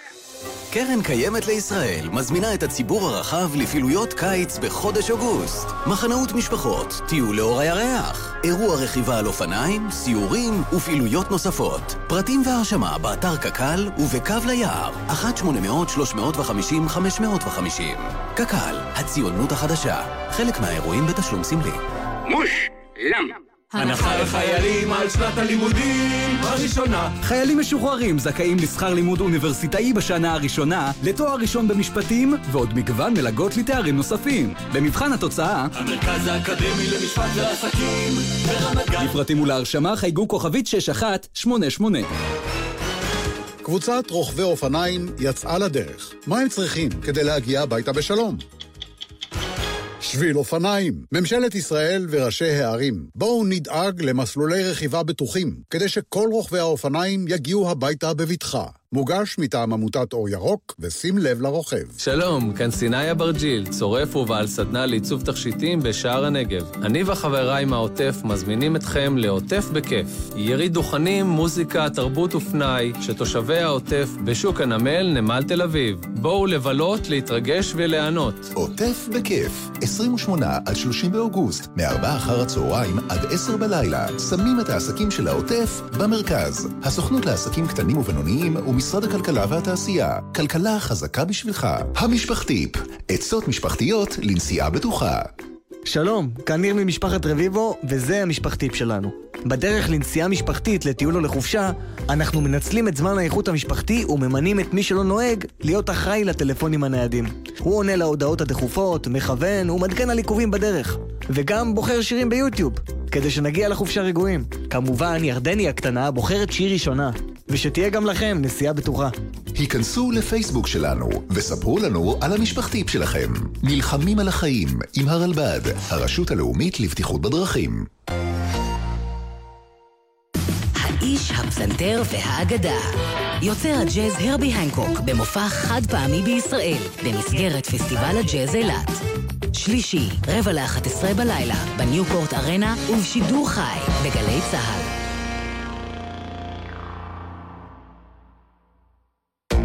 מיד אחרי החדשות, אודי סגל וחגי סגל.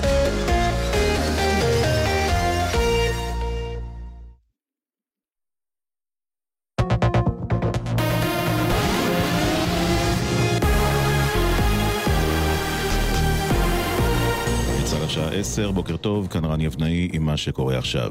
משבר השבת, השר ישראל כץ מבטיח בריאיון לאודי סגל וחגי סגל, אנשים לא יעמדו דקה אחת בפקק, נמצא פתרון להקמת הגשר בלילה.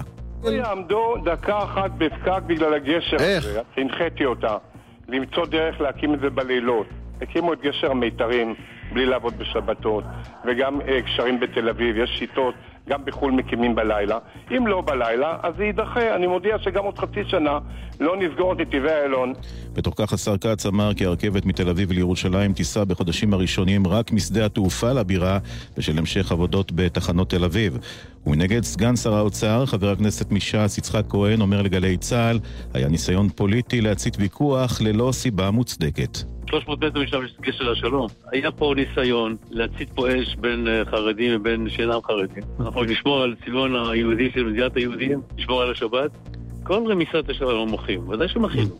עשו איזה כזה סיפור שהוא לא היה סיפור בכלל. חשד לניסיון רצח והתאבדות בטירת כרמל. גבר בן 70 הצית דירת שכנה ושם קץ לחייו, כתבנו קובי מנדל. שלושה צוותי כיבוי שהוזעקו למקום חילצו גבר כבן 70 ואישה כבת 64 והשתלטו על השרפה. צוותים של מגן דוד אדום ואיחוד הצלה טיפלו בשני הנפגעים ונקבע מותו של הגבר. האישה פונתה לבית החולים רמב"ם על ידי אמבולנס מד"א כשהיא בהכרה עם כוויות בפלג גופה העליון. מהמשטרה נמסר כי הגבר שנספה הצית את דירת שכניו, התבצר ככל הנראה בדירתו ושם קץ לחייו. נסיבות האירוע נחקרות כעת. חברת בזק פנתה למשרד התקשורת בבקשה לאחד בין שלוש חברות הבת, יס, פלאפון ובזק בינלאומי. כתבתנו עמית חדד. על פי הפנייה, מטרת הבקשה לאחד את שלוש החברות תחת הנהלה אחת. זאת על מנת לאפשר לחברה התנהלות כלכלית טובה יותר, תוך אפשרות לקזז את הפסדי החברות מרווחי כלל קבוצת בזק. בדוחות הכספיים של החברה שפורסמו היום, ניכרת ירידה של כחמישה אחוזים בהכנסותיה. לאחר פרישתו מעולם הכדורסל, קפטן הפועל ירושלים לשעבר יותם הלפרין אומר לאילנה דיין בגלי צה"ל, הגיע הזמן שלי להקשיב לגוף. אתה עושה משהו במשך אה, 26 שנים שהוא כל כך כל כך משמעותי לך ופתאום נגמר. זה דבר שהוא מאוד מוזר לנפש. לא רציתי לפרוש, אה, אני חשבתי שאני עוד אה, יכול אה, לתת אה, מעצמי עוד טיפה. אה, בהתוועצויות של רופאים החלטתי שהגוף אה, זה מספיק לו. ועכשיו אה, תחזית מזג האוויר עם ניר רחמים, חזאי גלי צה"ל. מזג האוויר היום יהיה נאה ותחול עלייה קלה בטמפרטורות שתהיינה רגילות לעונה, במישור החוף היום טמפרטורה של עד 31 מעלות, בירושלים 30, בבאר שבע 35 ובאילת עד 41 מעלות. מחר ולקראת סוף השבוע, מזג האוויר נשאר יציב ובלי שינוי ניכר בטמפרטורות. ולחדשות שעורכת תמר פלד.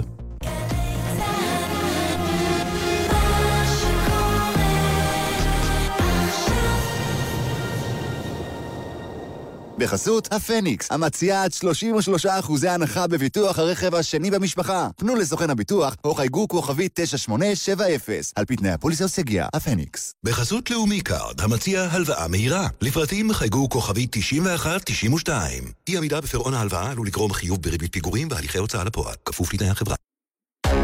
עכשיו בגלי צה"ל, אודי סגל וחגי סגל.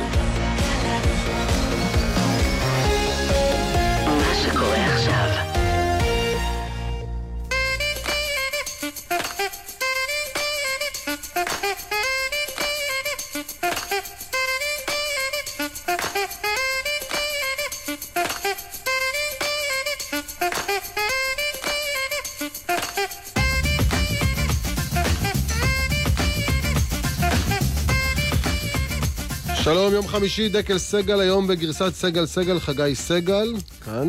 אודי סגל. כן, עורך אילן ליאור, מפיקים אה, שיר אסרה וגל אה, ויצנר, ואנחנו אה, בעוד שעה של אקטואליה, שתתעסק קצת בהבטחות וקיומן, או באי הבטחות ואי קיומן. בהבטחות או... ואי קיומן. כן. כן. ובכלל בשאלה אם צריך לעשות הבטחות, מי שנתן לנו את העילה לעסוק בנושא הזה הוא השר צחי הנגבי, שמתגלה לאחרונה לאחר שהוא... היה בכל מיני תפקידים אה, בחייו, הוא היה הצעיר המורד המטולטל שנאחז אה, בקרני המזבח. כן, בפינוי ימית. בימית. אתה כתבת על זה ספר? אה, ימית סוף. נכון, יפה אודי. ואחר כך הפך להיות הילד הרע של הליכוד כשיצא נגד הסכמי אוסלו ונגד נכון. אהוד ברק, ואמר שאהוד ברח, והפך להיות האיש שהוא שר עם הרבה מאוד ניסיון שאומר, לאחרונה יותר אמת מרוב חבריו הפוליטיקאים, ובלי אה, להיכנס אה, להשוואות. אז הוא אומר גם אמת כשהוא אמר את מה שהוא אמר אתמול בגלי צה"ל. הוא אומר אמת לדעתי לאמיתה, הנה הדברים שהוא אמר. זה חסר משמעות. הוא אמר בשעתו, אתה יודע שאתה באופוזיציה, אתה אומר, כשאתה בא לשלטון, אתה מבצע. אתה אומר, לא צריך לך לייחס חשיבות רבה למילים של פוליטיקאים לפני בחירות. אני חושב שצריך לייחס. לא. שלא צריך. ככה צחי הנגבי, לא צריך לייחס חשיבות למה שאומרים פוליטיקאים לפני בחירות. אל תאמינו, עם ישראל, אל תאמינו לאף מילה של פוליטיקאי, כך אומר פוליטיקאי ותיק ובכיר, נכון. צחי הנגבי. ותכף נדבר בשאלה הזאת, האם אה, צחי הנגבי צודק והאם זה, זה, זה המצב. אבל בואו נביא כמה דוגמאות. יש את הדוגמה, אתה יודע, אה, יצחק רבין, מערכת הבחירות 92, הוא מול יצחק שמיר, אה, רמת הגולן על הפרק, ואז רבין עולה לגולן, היה שם איזה, הייתה שם עצרת 25 שנים להתיישבות בגולן, והוא אומר משהו שאחרי זה הזכירו לו את זה מיליון פעם. מי שיעלה על הדעת לרדת מרמת הגולן יפקיר את ביטחון ישראל. כך יצחק רבין ב-92, ואז הוא נכנס למשא ומתן עם uh, חאפז אל-אסד, אה, אביו של בשאר אל-אסד, כן. המנהיג הנוכחי, שבהם דנו על נסיגה מגולן, אבל צריך לומר את האמת. אה, גם נתניהו ניהל את המשא ומתן הזה, על פי פרסומים שונים, על מפית דרך רונלד לאודר, נכון. ואחרים. ותמיד השאלה היא מה הכוונה בלרדת מהגולן ובאילו תנאים. ואתה הבאת את הדוגמה הזאת, כי זו הדוגמה, אני חושב שיש כאן בגלי צה"ל, אבל אפשר לדבר גם על, על מנחם בגין. שהבטיח לבנות הרבה אלוני אה, מורה. מורה ולגור באלי סיני, ובסוף הוביל פינוי כל... את אלוני מורה הוא, הוא באמת קיים. אה, הוא אמר שהוא יגור, הוא בא לנאות סיני, והוא אמר שהוא רוצה לגור שם יום אחד. זה לא היה במערכת הבחירות, זה היה כבר אחרי שהוא נבחר לראש ממשלה, והסוף אה, ידוע. הסוף ידוע כן. מראש. נתניהו, ב-2009, משפט שמזכירים לו יום אחר יום, עשר שנים מאז שהוא חזר לשלטון, על מה הוא היה עושה במקום ממשלת אולמרט מול חמאס אה, מיד אה, בתום מבצע עופרת יצוקה. אנחנו נמוטט את שלטון הטרור של החמאס, אנחנו נחזיר את הביטחון לתושבי אשקלון, לתושבי אשדוד, לתושבי שדרות ובאר שבע ויבנה. אנחנו נחזיר את הביטחון לתושבי ישראל. כן, ועוד לפני זה, אריאל שרון, 2003, אה, מתייחס לנסיגות חד-צדדיות. הפרדה חד-צדדית שהאש נמשכת, פירושו של דבר שוויתרנו ולא השגנו שום דבר. כן. וואה, וואה. ושרון אחר כך אה, פינה את כל שמונת אלפים המתיישבים אה, מגוש קטיף, אנשים שהוא היה אה, האבא הרוחני והמעשי שלהם בהרבה מובנים, הוא הקים חלק גדול מההתנחלויות כן, האלה. למרות שבמקור צריך להזכיר שגוש קטיף נוסד על ידי... ישראל גלילי. בדיוק, אנשי העבודה. אנשי... אבל אריק שרון היה אז אלוף פיקוד הדרום. אז אפשר להגיד כאילו שהיסטורית העבודה הקימה את גוש קטיף והליכוד פירק אותו. אה, בהחלט כן, גם העבודה... זה יהיה עובדתית נכון, אבל מהותית. גם את חבל ימית מפלגת העבודה הקימה נכון. והליכוד פירק. נכון. אה, יאיר לפיד ב-2012 נכנס לשר אוצר ואמר, לא ניתן להעלות מיסים. אלה המיסים שהממשלה שלך העלתה לא רק בקדנציה הזו. העלאת המיסים הבאה היא הקו האדום שלנו ואנחנו לא ניתן לזה לקרות. ואז הוא נכנס להיות שר האוצר. זהו, זה היה ממש אה, ג'ינגל בחירות, מה ששמענו נכון, עכשיו. ואז כן. הוא נכנס להיות שר האוצר, והביאו לו את התקציב, ואמרו לו, תשמע, יש כאן הכנסות ויש כאן הוצאות, והוא יצטרך. ואז דברים שרואים מכאן, לא רואים משם, מיסים שרואים מכאן, לא רואים משם, כן. הדוגמה העכשווית? כן.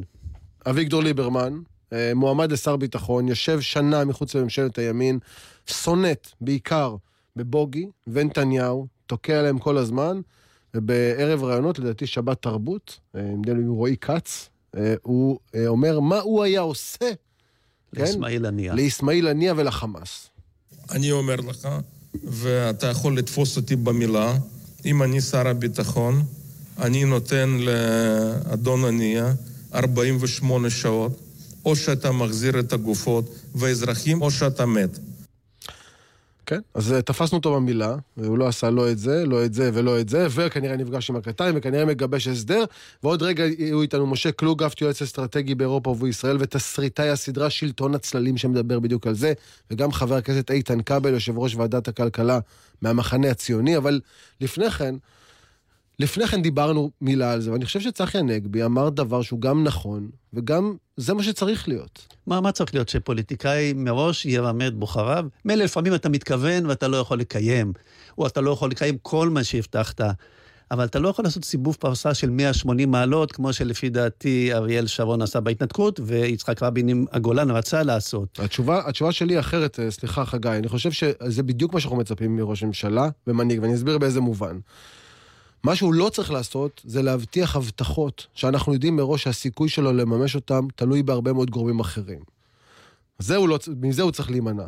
אבל לתת כיוון ואחר כך לסוגת ממנו, בשביל זה הוא נבחר לנהל.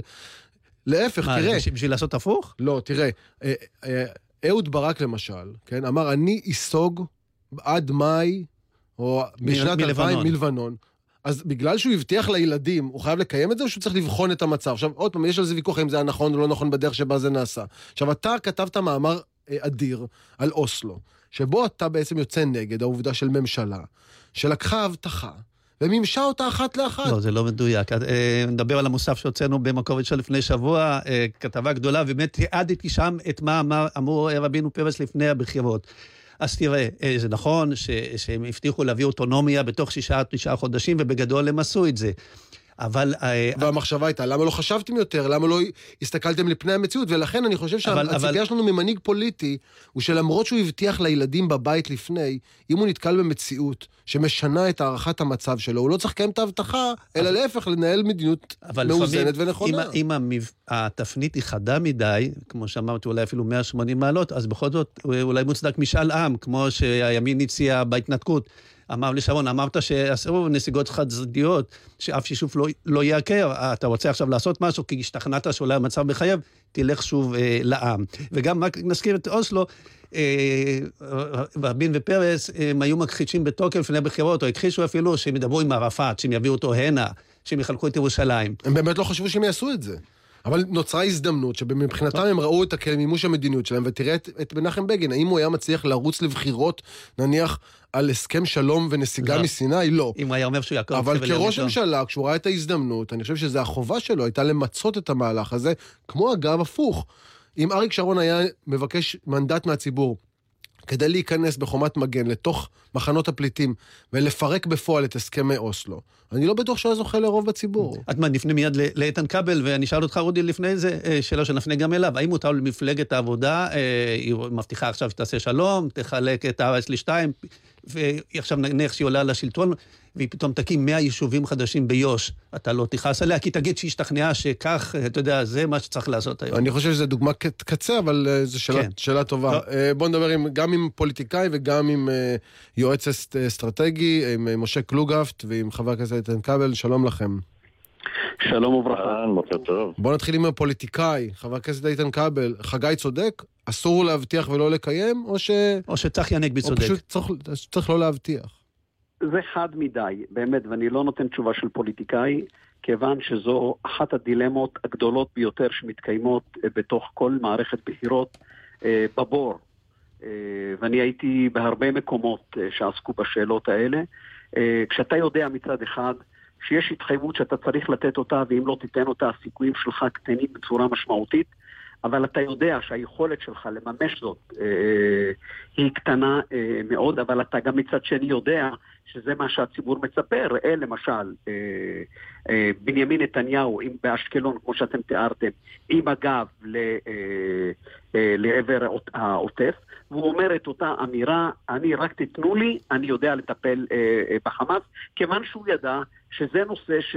הוא לא יוכל לעמוד בו, אין לי ספק. כלומר, הוא לא אמר באמת כבר אז, לדעתך? כשהוא אמר את זה הוא לא התכוון? הוא לא התכוון לזה, הוא יודע, כי תשמע, אי אפשר להגיד על נתניהו שהוא לא מבין עניין, אפשר לא להסכים איתו, ואני לא מסכים איתו ברוב הדברים, אבל זה עדיין לא הופך אותו לאדם שלא מבין את, ה, את, ה, את הנסיבות ואת הדרך ומה צריך לעשות כדי שדברים כאלה אכן אה, יתממשו. הוא מבין עניין. לכן כשהוא אמר זאת, הוא ידע מראש שהוא, זה לא רק תלוי בו, אבל הוא ידע גם שהאמירה הזו יכולה לשנות את פני הדברים אצל הציבור ה... כן, אבל השאלה, השאלה שעולה מכאן, חבר הכנסת איתן כבל, זה מה שוות, הרי אנחנו בסוף בעולם של מילים, בעולם של אידאות ובעולם של תפיסות. ומה שווה מילה של פוליטיקאי אם אנחנו אומרים מראש, לא משנה מה הוא אומר, אין סיכוי לא, שיממש את זה. כל, אולי ניתן עוד דוגמה אחת? אבי גבאי אתמול תקף קשות את ההחלטה לא לעשות את העבודות על אה, גשר יהודית בשבת. נגיד שעכשיו אתם עולים לשלטון, וגם צריכים את החרדים, אה, וגם אתם תחליטו שאי אפשר לעשות את זה בשבת. אז זה בסדר או לא בסדר? בוא, בוא נאמר, אין כאן שאלה של בסדר או לא בסדר. כל העניין, כפי שאני רואה אותו, האם אתה, אה, כאן אולי אותו קו. כי הרבה פעמים, כמו שגם אמרתם, אתה נותן התחייבות שהנסיבות בסוף מובילות אותך לעשות הסכם שלום עם מצרים. הנסיבות מובילות אותך לכל מיני מהלכים כאלה ואחרים גדולים. אבל מצד שני, יש את אותו עיקרון שמדבר על כך שאתה עומד בפני ציבור, וזה המבחן, והוא פעם אחר פעם, שכשאתה אומר, כמו אה, שר הביטחון, אומר, אני אעלה לשלטון, ואני מחסל את הנייה, הוא יודע שזה לא יקרה. הוא יודע שלא יקרה לו ב-48 שעות וגם לא בחודש. אוקיי, בוא נצטרף רגע את משה קלוגף. דרך אגב, למרות זאת, אני אומר את זה, תראה, אהוד ברק, שאיך אומרים, הוא אינו משוש נפשי, יחד עם זאת, כשהוא אומר, אמר את האמירה שצה"ל יצא, עזוב שוב, אני לא נכנס לאופן שבו הדברים נעשו, אבל הוא ידע שאם הוא ייבחר, הדברים אכן תלויים בו, ואך כן. ורק בו, והוא עמד בזה. כן, נזכיר שהוא אמר רק לא ש"ס, אמר כל מיני דברים, שחר של יום חדש, חלק מהדברים... אני לא, לא רוצה להיכנס... נכון, בדיוק, בואו לא ניכנס, בואו לא ניכנס למה שהוא הבטיח ולא לא קיים, יש, כל אחד יש לו גם כאלה וגם כאלה. ארוכה, בוא נגיד למשל אה. הזקנה, זה כבר זקנות. בדיוק, בואו נדבר על משה, בואו נצטרף את משה קלוגהפט, יועץ אסטרטגי באירופה ובישראל, ותסריטאי הסדרה שלטון אה, הצללים. אין לך בעיה לדבר איתו, נכון? כי לפעמים יש שמאלנים כאלה שהיה להם בעיה שהוא מדבר איתם. אני אפילו הופעתי ב... אוקיי. היו כאלה שלא רצו לעלות הבוקר מול אה, משה קלוגהפט. נזכיר שקלוגהפט היה היועץ של אה, נפתלי בנט. אני חייב לספר לכם את הרעיון הקודם שהיה לי עם אה, איתן כבל, ואני כן. עושה עכשיו לעצמי שיימינג. בשנת 2013, uh, היה, מיד אחרי הבחירות, היה משא ומתן קואליציוני, אני הייתי חבר במשא ומתן נכון. קואליציוני מטעם הבית היהודי, ואז איתן מבין לאן זה הולך, והעלו אותי לשידור כשאני בכניסה לכפר המכבייה, למשא ומתן עם הליכוד, זה היה ימי הברית אה, בנט-לפיד, שמפלגת העבודה נתנה התחייבות חד משמעית שהיא לא תיכנס לממשלה. בזכות ההתחייבות הזאת יכולנו להקשיח עמדות, כי ידענו שמן הסתם... אה, יפה, נו. חייבים את המפלגה, ואז מעלים אותי לשידור, ותוך כדי השידור שאני מתראיין, זה אומר את המסרים הרגילים, מה הדרישות, וממה לא נסתפק וממה כן, ותוך כדי השידור פתאום יש פריצה של כתב, והוא אומר, breaking, אה, אה, מפלגת העבודה נכנסת לקואליציה, ועוד אני לא מספיק להגיד משהו, עולה חבר הכנסת איתן כבל ומסביר באותות ובמופתים ובשכנוע עמוק איך נכון שהם הצליחו לא להיכנס לממשלה, אבל בגלל שהקהל לחץ עליהם, או מיליון מוזרות כאלה. נענו לרצון העם. אני רק, אני גמגמתי את נפשי באותו רגע, ומי שרוצה לעמוד מאחורי המילים שלו, שיעמוד, מי שלא, אז לא. ירדתי מהשידור, לא הבנתי מה הולך, גם לא הבנתי, נכנסתי לאפליקציות, לא הבנתי למה אני לא רואה את זה בשום מקום, ואז התברר ש... איתן כבל חבר לשדרנים לעשות לי מתיחת פורים. אה, יפה. אפרופו, כן, זו הפעם הקודמת שהייתי איתו לשידור, אני מקווה שעכשיו זה ייגמר יותר טוב. עכשיו זה רציני, אנחנו רציניים פה. אנחנו נותנים את מילתנו שאין פה שום מתיחה. תגיד, אבל, משה, כשאתה מייעץ לפוליטיקאי, אתה אומר לו, תשמע, בוא נשתדל לא לרמות, בוא נשתדל לא לשקר, או שאתה אומר לו, תשמע, זה לא משנה מה אתה תגיד, בלאו הכי, מה שחשוב זה אם תיבחר או לא תיבחר. תשמעו, בכל דבר בחיים יש uh, יתרונות וחסרונות ומחירים, ותמיד השאלה איזה מחיר אתה, אתה מוכן לשלם ומה המצב שלך באותו רגע. אז אני רגע אלך הפוך, אני אגיד רגע מתי מותר או לא מותר. מתי אפשר להפר הבטחה, וזה לא, לא החלטה ערכית, זו החלטה uh, אסטרטגית שפוליטיקאי מקבל. למשל, כשאתה מבטיח הבטחת שווא שלא בתחום הנרטיב שאתה הולך להתעסק איתו. אני אתן דוגמה, מנחם בגין, ואתם לא זוכרים את זה, או זוכרים אבל לא מעלים את זה, הבטיח בין השאר, חוץ מאלוני מורה, הבטיח גם לבטל את העוני בשנת 73, ככה הוא אמר. אז כשהוא עלה, כשהוא עלה לשלטון, המדינה נכנסה למשבר כלכלי עצום. אבל למה לא זוכרים את זה? מכיוון שזה לא היה נרטיב של תחום עיסוקו. זאת אומרת, כשאתה מבטיח משהו שהוא בתחום עיסוקך, שם אתה יותר בבעיה. אני אשאל אותך אחרת. עוד מילה, אני מניח שכשיאיר לפיד יתחייב אה, לא להעלות מיסים, אגב, הבטחה גם של ג'ורג' בושה וגם של... כל שרי האוצר. read my lips. אה, כשהוא התחייב, אני מניח שהוא לא תכנן להיות שר אוצר, כי זה היה עוד בתקופת הבחירות, שזה היה הדבר האחרון, אני חושב שהוא התכוון להיות. זאת אומרת, זה אחד, ה, זה, זה אחד הכלים. עוד דבר, יש נושא של הבטחה מוקלטת והבטחה לא מוקלטת. לא סתם אתם עכשיו השמעתם את ההבטחות שיש לכם בארכיון. כשפוליטיקאי מעביר אה, הבטחה דרך דובר או בכתב, זה נכון, זה קיים, הוא יעמוד מאחורי זה, אבל יש הבדל, תראו, תראו את הסרטים שרצים, של 2009 נתניהו באשקלון, וליברמן יחסה את החמאס.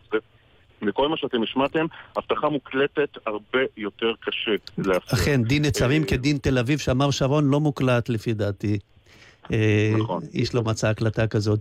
איתן כבל, אם בכל זאת אה, ברור לכם שהבטחה מסוימת לא תוכלו לקיים, אבל היא תיתן לכם עוד כמה מנדטים אה, ביום הבוחר, אז אתה הולך על זה? תראה, אני לא יודע להגיד את זה בדיוק כמו שגם קלוגפט אמר. אני אגיד את זה ביושר, שההערכה שלי, שאם זה לא ממש ממש דבר שאתה לא יכול לעמוד בו, אני לא חושב שצריך לעשות את זה, אבל הפיתוי, הפיתוי הוא פיתוי ענק. גדול, ומעטים מאיתנו מצליחים אה, לעמוד בזה, ולדעת כשאתם, כשאתה אומר את האמירה שיכולה לשנות את הכף, אבל אתה יודע שאין לך יכולת להגשים אותה, מעטים מאוד מאוד עמדו בפיתוי הזה. כמו למשל, תן דוגמה. אני, תשמע, אני לא יודע להגיד לך עכשיו, אתה יודע, דוגמאות אה, מהרגע לרגע. השאלה אם יש אמירה אחת שמשנה את הכף. לא, ונשאלת השאלה, האם... אה, בדרך שבה אתם מתארים את המצב, שבאמת זו המציאות, בעצם הפוליטיקאים מחפשים את המילים הכי רדודות והכי כוללניות. כולם יבטיחו לנו שלום וביטחון. כולם יבטיחו לנו אני, אני uh, צדק חברתי. כולם יבטיחו לנו להתנהל באחריות ולהילחם כן. בשחיתות. זה כולם יבטיחו. השאלה היא, האם לא הגיע הזמן לחזור לאידיאולוגיה שאומרת, אני אעשה כך וכך. לכן, דרך אגב, הנחתי הצעת חוק שמחייבת מפלגות להניח שוב את המצע. ומי שיחרוג מהמצע... אבל המצע, המצע אי פעם הגביל לא, אה, לא, ראש לא. הממשלה? לא, ברור, הרי יש... חבר'ה, נו, באמת, אנחנו הרי... אני לא דווקן, ואני לא טהרן, ואני לא מסתובב עם פלס מים, וכל היום בודק איפה העינית. אה, בשורה התחתונה, הקריאה שלי, לפחות בחקיקה, לייצר, והיא מתחברת לגמרי עם הדיון הזה, נוגעת לכך שבעצם אתה צריך בסוף בסוף, כי אתה מקים מפלגה, אתה נותן התחייבויות, הנרטיב של אותה מפלגה, יש לו את המשמעות האדירה, הגדולה, במי אתה בוחר.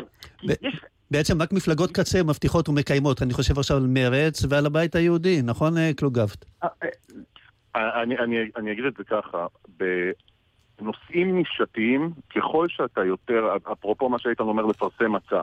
ברור שלפרסם מצע זה דבר הרבה יותר נכון כלפי הציבור, אבל ברגע שמפלגה מפרסמת מצע, וזה המחיר שהיא תשלם, אה, פתאום היא יכולה לחטוף בקווי, מה שנקרא בקווי רוחב במקום בקווי אורך. זאת אומרת, אם הליכוד היום מפרסם מצע בנושא מפורט, בנושא איכות סביבה, בפליטת גז החממה, הוא יכול למצוא פתאום הפגנות של אנשים שזה מה שמעניין אותם, ואז הוא אומר, רגע, רגע, למה עשיתי את זה בכלל? אני בכלל רציתי את הנרטיב של הקמפיין למקד... אבל משה, בדיוק, היא הנותנת בדיוק לגבי הדיון הזה. זאת אומרת שכתיבת מצע, גם אם אתה לא הולך על המתווה במאה אחוז, אתה חושב עשר פעמים לפני שאתה מחליט לשנות את העמדה שלך. ואז גם אני חושב במערכת היחסים עם הציבור, שדרך אגב, יש פה גם אבסורד מאוד גמור, שיש ציפייה בציבור שאתה גם כאילו, אני מכיר את זה הרבה פעמים לפעמים מפניות ציבור, שאתה, בן אדם פונה אליך, הוא לא תמיד רוצה שתגיד לו את כל האמת. אתה מבאס אותו אם אתה אומר לו את האמת. טוב, זה היה דיון עגור כן. משהו על אה, מצב כן. האמת בפוליטיקה. לא, אבל אני אומר, דרך אגב, אני אגלה, חבר'ה, זהו, הייתם הגונים מדי, לא קיללתם אחד את השני, זה לא... בואו לא נפיל את זה רק על החברה הישראלית, זאת לא המצאה ישראלית. הישראלים לא שונים מכל מקום אחר אה, אה, בעולם, ופוליטיקאים מתחייבים בכל מקום, השאלה היא מידת האיזון. אז זהו, זה, כל הסיפור. זה, אה, אנחנו ניפרד מכם, אז מעביר אותנו ממש לנושא הבא. היה איזה נשיא אמריקני שהבטיח להעביר את השגרירות מתל אביב לירושלים וקיים. רגע, רגע, מה, מה? מילה אחרונה, אני חייב להיפרד ממשפט מרהיב שאמר לוי אשכול בזמנו. אני את המילה שלי נתתי, אבל אני גם יכול לקחת אותה. בדיוק. הוא כבר יגיד, הבטחתי, אבל לא הבטחתי לקיים. זה גם לוי אשכול, כן. נכון. בדיוק. והוא דווקא קיים יותר ממה שהוא הבטיח. כן, נכון. יותר מרבים טובים אחריו. נכון. דווקא הוא היה דוגמה לאדם שגמגם בהבטחות, אבל אה, היה לו סימני קריאה בקיום. ודרך אגב, גם לא גמגם. לא, יש את הנאום המגומגם. כן. בתקופת ההמתנה של ששת הימים. הרבה גמגומים כאלה, כן. והנה תראו מה אתם זוכרים, אתה לא הבטחתי לקיים את הנאום המגומגם. לא, אנחנו גם זוכרים את העובדה שהוא הכפיל את שטח ישראל פי שלושה, לקח את יהודה ושומרון, הגולן, וכל חבל סיני, שחרר את ירושלים ועשה את המוביל הארצי. כן. נכון. משה קלוגרפט, אה, חבר הכנסת איתן כבל, אה, כבל, אני מבין שיש לך יום הולדת היום, אז מזל טוב גם. נכון, נכון, תודה. מישהו הדליף לי. אז ביי. תודה, תודה לכם. ביי ביי, תודה. 70 לא הולך ברגל, ביי ביי.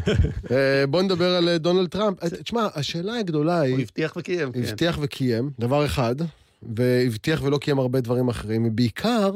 אני חושב שבכהונה שלו התחדדה שאלה, כאילו, שאין משמעות לעובדה שנתפסת במשהו, כי כן. זה לא מעניין. הוא עז מצח, אין ספק, כן. ונשאלת השאלה האם, האם, האם כל מושג האמת נתפס בכלכלתו, או נתפס במילתו, יש לו משמעות, אגב, כדי, כמי שתפס אותי במילה, אני אמרתי שברק אמר רק לא ש"ס, זה לא ברק אמר, זה הקהל צעק לו רק לא ש"ס. נכון, במוצאי הבחירות, זה לא כן, הבטחת בחירות. אבל אני, בסוף אני מזכיר לך שההתפרקות של ממשלת ברק לא חלה בגלל עניינים דיניים, זה החל בפרשת המשכן. מאוד מחבר אותנו לעניין הגשר, הוא התעקש שצריך להעביר משכן של חברת חשמל עם חברת פרידנזון, ו... לא משנה. אוקיי. המשכן עבר, הממשלה שלו לא כל כך. בדיוק. אה, אז, אה, אז האם ההסתבכות האחרונה של טראמפ היא חלק מהקריסה, או עוד מכה קטנה אה, בכנף? אנחנו מצרפים אלינו שניים שמומחים לנושא, יאקי דיין, לשעבר הקונסול הכללי בלוס אנג'לס, מומחה לענייני ארצות הברית. שלום יאקי. טוב. ושלום לקרוליין גליק, כתבת פרשנית של מעריב והג'רוזלם פוסט. היי קרוליין. בוקר טוב. אולי נתחיל ממך, קרוליין. אה, את יודעת, טראמפ נחשב נשיא טוב, לפחות מנקודת מבט, נגיד, ימנית ישראלית. האם את עוקבת בחרדה עכשיו, אחרי האפשרות שאולי הוא הולך להיות נשיא לשעבר? אני חושבת שזה באמת חשוב אה, להדגיש את העובדה הזאת שהוא ידיד אמת של ישראל, והוא מוכיח את זה במעשים שלו אפילו יותר מאשר בדיבורים שלו. אה, ואנחנו צריכים להכיר בכך ולהוקיר אותו על כך, ואני חושבת שזה לא יהיה הגיוני בכלל ש... ישראל, ישראלי מצוי לא, לא ירצה בטובתו, כי הוא לטובתנו. יחד עם זאת, האם מה ש... הגילויים האחרונים או האירועים האחרונים בכל מה שקשור גם להרשעתו של פול מנפורט שבמשך תקופה קצרה היה מנהל הקמפיין שלו לנשיאות ב-2016 והעורך דין שלו במעילה בכספים ו... ומיסים, האם הם יכולים לטרפד את הנשיאות שלו אני לא יודעת, וזה באמת נוגע לשאלה שאתם שאלתם באייטם הקודם לגבי אה, אמת. כי אני חושבת שאחד מהדברים שאנחנו רואים גם בציבור הישראלי וגם אה, ובצורה עוד יותר אה, מובהקת בקרב הציבור האמריקני בבחירות אה, של 2016, זה שמה שהם הם, הם עשו בו ביותר, ומה שבעצם גרם לכך ש-90% מהמצביעים האוונגליסטים הנוצרים האדוקים בארצות הברית הצביעו בעבור טראמפ וממשיכים לתמוך בו, על אף שהוא נואף וכל הדברים האחרים, אה, משום שהם מעשו בצביעות, בצביעות המוסרית, בצביעות הכביכול משפטית, שמיישמים חוק כלפי הימין ולא כלפי השמאל, או הרפובליקנים ולא כלפי הדמוקרטים, והניצול רעה של... אה, כן, את חושבת שרודפים אותו שם בארצות הברית, את טראמפ, שלטון החוק? אני חושבת שיש תפיסה שהיא מהותית והיא משמעותית פוליטית מאוד mm-hmm. בקרב המצביעים האמריקניים שמרגישים שהשלטון איכשהו uh, uh, איבד את החוט בכל מה שקשור למשטר דמוקרטי, שהשלטון אמור להיות, הריבון אמור להיות העם ולא הביורוקרטיה. אבל פה זה ו... כבר לא האויבים מבחוץ, קרוליין, פה זה האיש שלו, הוא העיד. על דברים שהוא עשה. זאת אומרת, זה מישהו מבפנים, השאלה אם זה לא פריצת המעגל הפנימי של אנשים שהגנו על טראמפ. לא, תראה, כן ולא, כי אני אגיד לך מה הוא בעצם אומר. וזה כבר, זה כל העניין. שיש פה תורות שלאו דווקא משקפות את מה שבאמת קרה, וכשאתה קורא את מה שכהן אומר, אז הוא אמר שהוא אשם בהעברת תרומת בחירות בלתי חוקית לקמפיין של טראמפ, בכך שהוא אה, מסר תשלומים לנשים שטוענות שהם העלו... דמי השתקה לנשים שטוענות שהם העלו יחסים מיניים עם טראמפ. עכשיו, למה זה בעצם בגדר תרומה? תרומת בחירות. הרי זה לא, על פי חוק זה לא מוגדר כך. למשל, ב-2012... זה בסדר לשלם דמי שתיקה לנשים, אבל רק שזה לא יהיה תרומת בחירות. שהקמפיין של זה לא, לא צביעות? הקמפיין של אובמה, הקמפיין של, של אובמה ב-2008 אה, הציע תשלום של 150 אלף דולר כן. לפסטור, לכומר של, אה, של אובמה, אה, ג'רמיה רייט, בתמורה שהוא ישתוק. הם ביקשו ממנו לשתוק ולא לא, לא, לא להגיד שום דבר אה, בפרהסיה עד לבחירות 2012, כדי לא לפגוע בסיכויים כן. אה, של אובמה. זאת אומרת, כבר היו דברים מעולם. אה, יקי דיין. יש דברים לעולם, וכשיש את האיפה ואיפה, אז, אז זה שהם אומרים שזה יטרפד את הנשיאות של טראמפ, יכול להיות שזה יקרה, אבל גם יכול להיות שהרפובליקנים ינצחו ב-2018, בנובמבר, בבחירות לקונגרס, בדיוק בגלל אותו מיעוט של הציבור כלפי כן, הביורוקרטיה, שהעלה אותו לשלטון ב-2016. יקי דיין, באמת עוד מעט יש את הבחירות, בחירות האמצע. אה, איך אתה חושב שכל מה שקורה עכשיו שם אה, ישפיע, והאם אתה בכלל אה, מזדהה עם מה שקרה אולי עם הניתוח של עד כה? אז קודם כל צריך לעשות סדר. אנחנו, אם אנחנו מדברים ברמה הפילוסופית על אמת יחסית, אז ברור שכל אחד אה, פה, כל צד אה, רואה את הצד שלו, אבל בואו בוא נדבר על העובדות המוחלטות. זה לא מכה קלה בכנף, וזה גם לא קריסה. אין ספק שהחוקר המיוחד מולר פה סוגר אט אט על המעגל של טראמפ. אה, ואנחנו רואים את זה בסגנון אל קפונה. אה, לא מרשיעים אותו בדברים גדולים את האנשים, אלא בעבירות מס למיניהן. ואחרי זה שמגיעים להסדרים של הסדרי הטיעון של האם זה יהיה עשר שנים או חמש שנים בפנים, אז אנחנו רואים שפתאום כולם גם מקליטים וכולם מדברים עד כמה שזה לא אתי וכמה שזה לא בסדר. ואין ספק שזה לא עוזר לטראמפ, אבל, ויש כאן אבל גדול, אחד, אין פה נגיעה בכל מה שהחוקר המיוחד חוקר, וזה למעשה הקנוניה עם רוסיה על הטיית הבחירות. כרגע אין שום, אין שום הוכחה כזאת ואין שום קישור כזה, למרות שיש הרבה דיבורי רקע. ואנחנו צריכים לזכור שמלבד שני האנשים ש, שמורשעים כאן בדין, יש עוד uh, כמה אנשים שפה נחקרים וככל הנראה גם uh, עומדים לדין. מי היועץ לביטחון לאומי מייקל פלין והיועץ האסטרטגי רוג'ר סטון. זאת אומרת, יש כאן סגירה והוא משחק, מולר משחק עם כל הקלפים ליד החזה, זאת אומרת, לא יודעים מה, מה יוצא. אבל... כל מי שחושב שזה אה, מה שיכריע פלילית את טראמפ, טועה. למה? בסופו של דבר, כי בסופו של דבר מה שיכריע זה ההיבט הפוליטי אך ורק, וקודם כל בחירות האמצע ש... אבל השאלה אם אתה מקבל את הניתוח של קרוליין גליק, שאומרת, תראה, לא משנה כמה הוא מסובך פלילית, לכאורה או לא לכאורה, אה, ככל שזה נתפס, אה, בין אם במקרה ובין אם בכוונה, כמהלך חד צדדי של שלטון נגד מועמד אחד, זה מחזק את הבייס של טראמפ. כמו אצלנו, מזכיר משהו. קצת כמו אצלנו, ואז, כן, אבל... ש... ואז פה, אם אתה אומר שרק פוליטית יכולים לזעזע אותו, אז פוליטית הוא להפך מתחזק, כי, כי המחנה שלו אומר, רודפים אותו, עושים לו מה שלא עשו בחיים לאובמה ולקלינטון, בוא, בוא נתמוך בו שוב. זה נכון שבחירות האמצע הן בחירות של בייס, אבל עדיין זה כן פוגע בתדמית של טראמפ, ובסופו של דבר הקרב הולך להתנהל פה ב-70 ימים הקרובים. כל מה שהולך להעסיק את טראמפ ב-70 ימים הקרובים עד בחירות האמצע זה רק קמפיינים פוליטיים. אנחנו נראה אותו מעט מאוד בוושינגטון, יוצא הרבה מאוד, כי קודם כל הוא צריך לשמור על השליטה בקונגרס, גם בבית הנבחרים וגם בסנאט. בשני המקומות הרוב הוא קטן והרוב הוא שברירי, ועל כרגע, לפי התחזיות, הוא עומד לאבד את הרוב בשני המקומות. עכשיו, מה שזה אומר מבחינתו, זה אומר שאפשר יהיה בסופו של דבר, אם הוא יאבד את הרוב, בטח בבית הנבחרים, יתחילו בתהליך הדחה. לאן תהליך הדחה כזה יוביל? אה, קשה, קשה לדעת, אבל שוב, זה אה, יכניס את וושינגטון למין קיפאון עמוק, שכל מה שיעסיק אותה זה תהליך ההדחה, כי זה מה, שהדמוקרטים, מה שיעסיק את הדמוקרטים, ובסופו של דבר אה, הוא יתעסק הרבה פחות בנושאים אחרים, או שאולי הוא ירצה להתעסק כן. יותר בנושאים אחרים. קרולן, את מקבלת את ההנחה הזאת?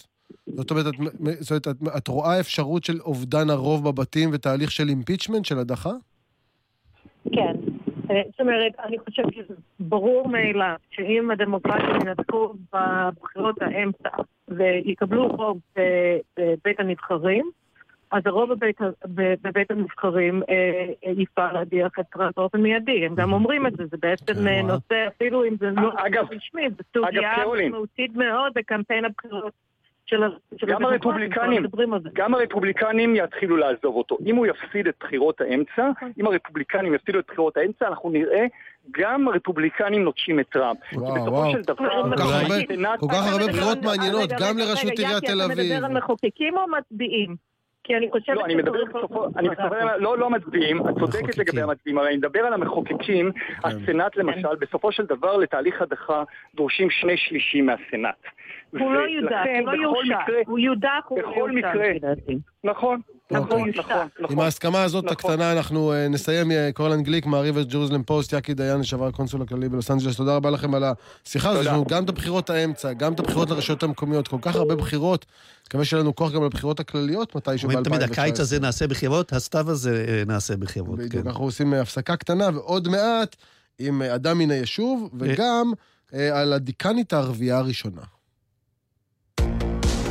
אתם מאזינים לגלי צה"ל.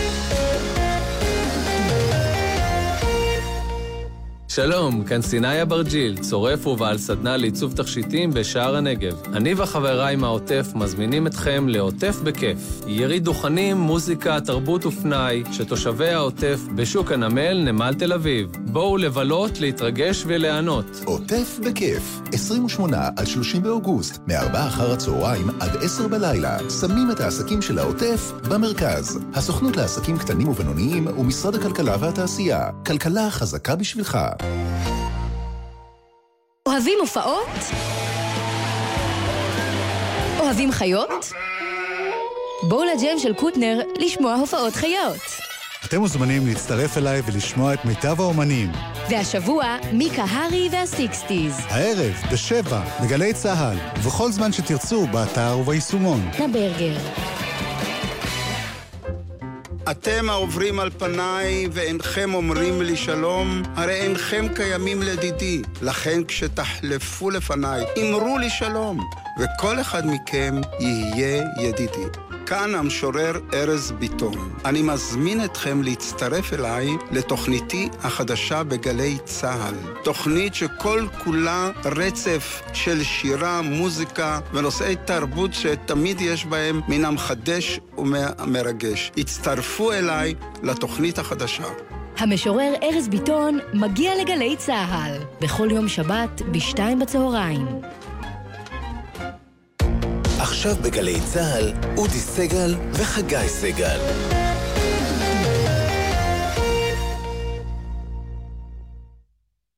ירון סחיש, שלום לך. שלום, שלום. מבית הספרים הלאומי? מחלקת הארכיונים, בית הספרים הלאומי, ירושלים. ובתור שכזה, אתה מופקד עכשיו על הארכיון של אורי אבנרי, שהלך השבוע לעולמו. כן, בין השאר. זהו, עכשיו, אורי אבנרי בעצם כתב מאמרים כל חייו, אז מה כל כך אה, יש לארכיון לעסוק בו, את אה, תיקי המאמרים שלו?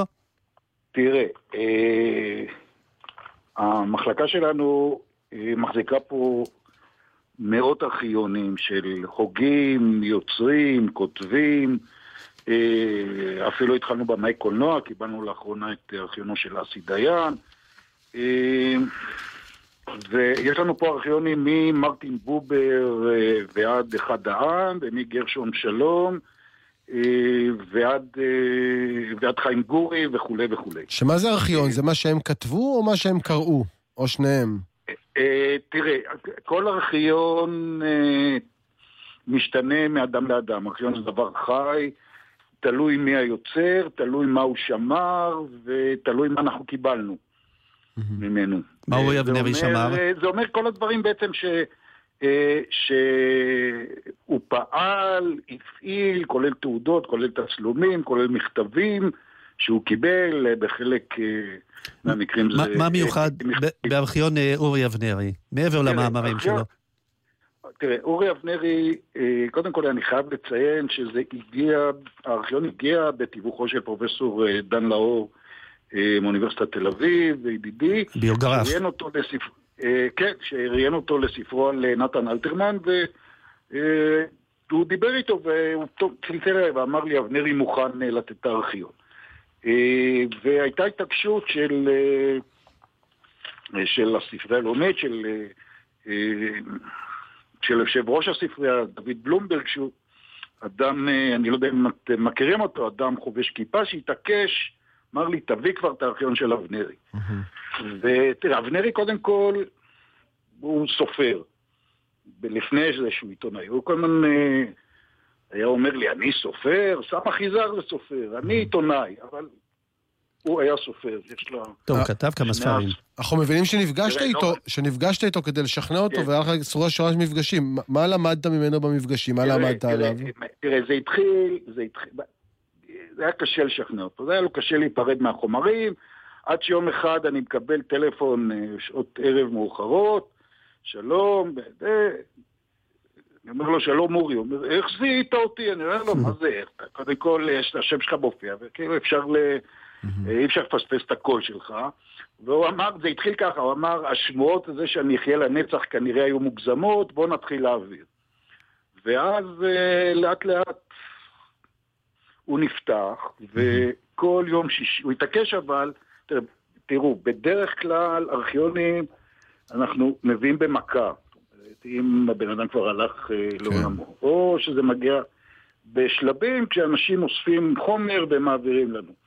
אצלו הוא התעקש, הוא אמר לי, אני רוצה להסביר לך כל דבר, ובמשך שנתיים וחצי, כל יום שישי. זה לקח 90 שנה, בטח לספר את זה, כי הוא חי יותר מזה. אני מבין שדווקא תמונות, יש הרבה תמונות בתיקים שהוא העביר עליכם, נכון? יש, יש אלפים רבים של תמונות. כולל תמונות האמצע של הזמן הזה? העולם הזה. העולם הזה? כולל תמונות האמצע של העולם הזה, או...? לא, לא, לא. תראו, הארכיון של העולם הזה נמכר, אבנרי באיזשהו שלב נאלץ לעזוב את העולם הזה. כן, הבנתי, אז זה כבר לא היה ברשתו. אז תגיד לי, מה הדבר הכי מעניין שיש בארכיון של אבנרי? תראה, תראו, יש שם כתבי יד שלו, יש שם התכתבויות שלו, יש שם... מכתבים מערפאת? יש גם מכתבים מערפאת. או, הנה, תפסת את חגי, הוא כבר אצלך עוד בשבוע הבא, הוא חייב לקרוא מה... נוגע לליבי. יש מכתבים מערפאת. אם יש מישהו שחגי חייב לקרוא את המכתבים שלו, זה ערפאת. אבל יש גם, אבל לצד זה יש גם המון מכתבים מבגין. זה, בשביל זה אני אבוא. בגין, עם בגין היו לו קשרים קרובים מאוד. בגין קרא את העולם הזה, כן. זה נכון. טוב. וגם בסוף ביצע חלק. גם בן גוריון קרא את העולם הזה. אוקיי, ירון סחיש, אתגרת אותנו, כמה זמן ייקח לסדר את זה? מתי אפשר לבוא לקרוא?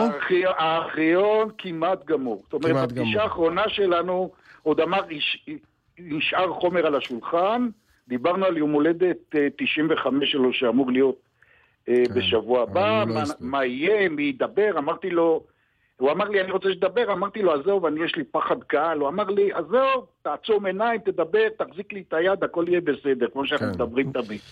יפה, ירון. זה היה כיף גדול, השנתיים. תמרקר לנו כמה מכתבים מבגין ומערפאת, אנחנו באים. תודה רבה לך. יאללה, תבוא, בכיף. ירון סחיש, כן. כן, צריך להגיד, הספרייה הלאומית, בית הספרים הלאומי של בירושלים. אכן. מעניין לראות את הארכיונים האחרונים. אנחנו רוצים להגיד שלום לפרופסור אמונה חורי קסברי, הדיקנית הנכנסת של בית הספר לעבודה סוציאלית באוניברסיטה העברית. שלום, פרופסור קסברי. שלום, בוקר טוב. קסברי. קסברי. אולי לפני הכל, משהו שמעניין אותי ולא ידעתי עד היום, מה בעצם התפקיד של הדיקן? יש לאוניברסיטה נשיא, יש הרקטור, מה, מה, עושה, מה עושה הדיקנית? יש, מתחת לנשיא ורקטור יש פקולטות, הרי יש עבודה סוציאלית, משפטים, הפקולטה מדעי הרוח, לכל פקולטה כזאת יש מישהו שאמור לנהל אותה. הנשיא והרקטור מנהלים ברמת האוניברסיטה, אנחנו מלמדים, מנהלים ברמת הפקולטות. ואת באמת הדיקנית הערבייה הראשונה בישראל? נכון, נכון. לקח זמן. האישה, כי דיקן יש גבר, כן. נכון, לקח זמן, אבל אה, זה בא מתישהו. זה מפתיע כי מצד אחד האקדמיה היא מוסד סגור שדואג לשמר uh, את ההרגלים הישנים ואת הזמנים ושומר על חבריו, ומצד שני היא נחשבת יותר ליברלית או יותר uh, שמאלנית או יותר uh, uh, נוטה לערכים uh, שוויוניים מאשר כלל הציבור בישראל. העובדה שרק עכשיו uh, הגעת לתפקיד, היא תוצאה לדעתך של מה?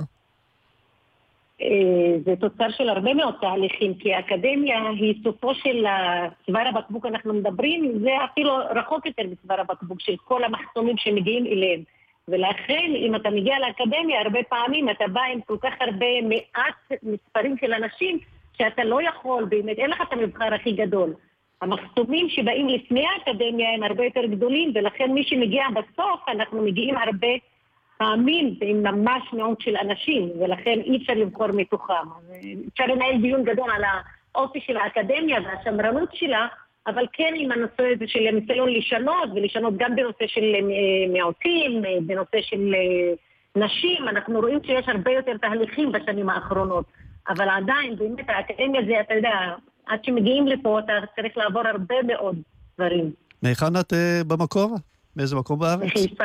מחיפה. מחיפה. וחלמת להיות אה, דיקנית של אה, בית הספר לעבודה סוציאלית כשהתחלת ללמוד עבודה סוציאלית? לא, כמו שאתה לא ידעת מה זה, כמובן שאני לא ידעתי מה זה דיקנית.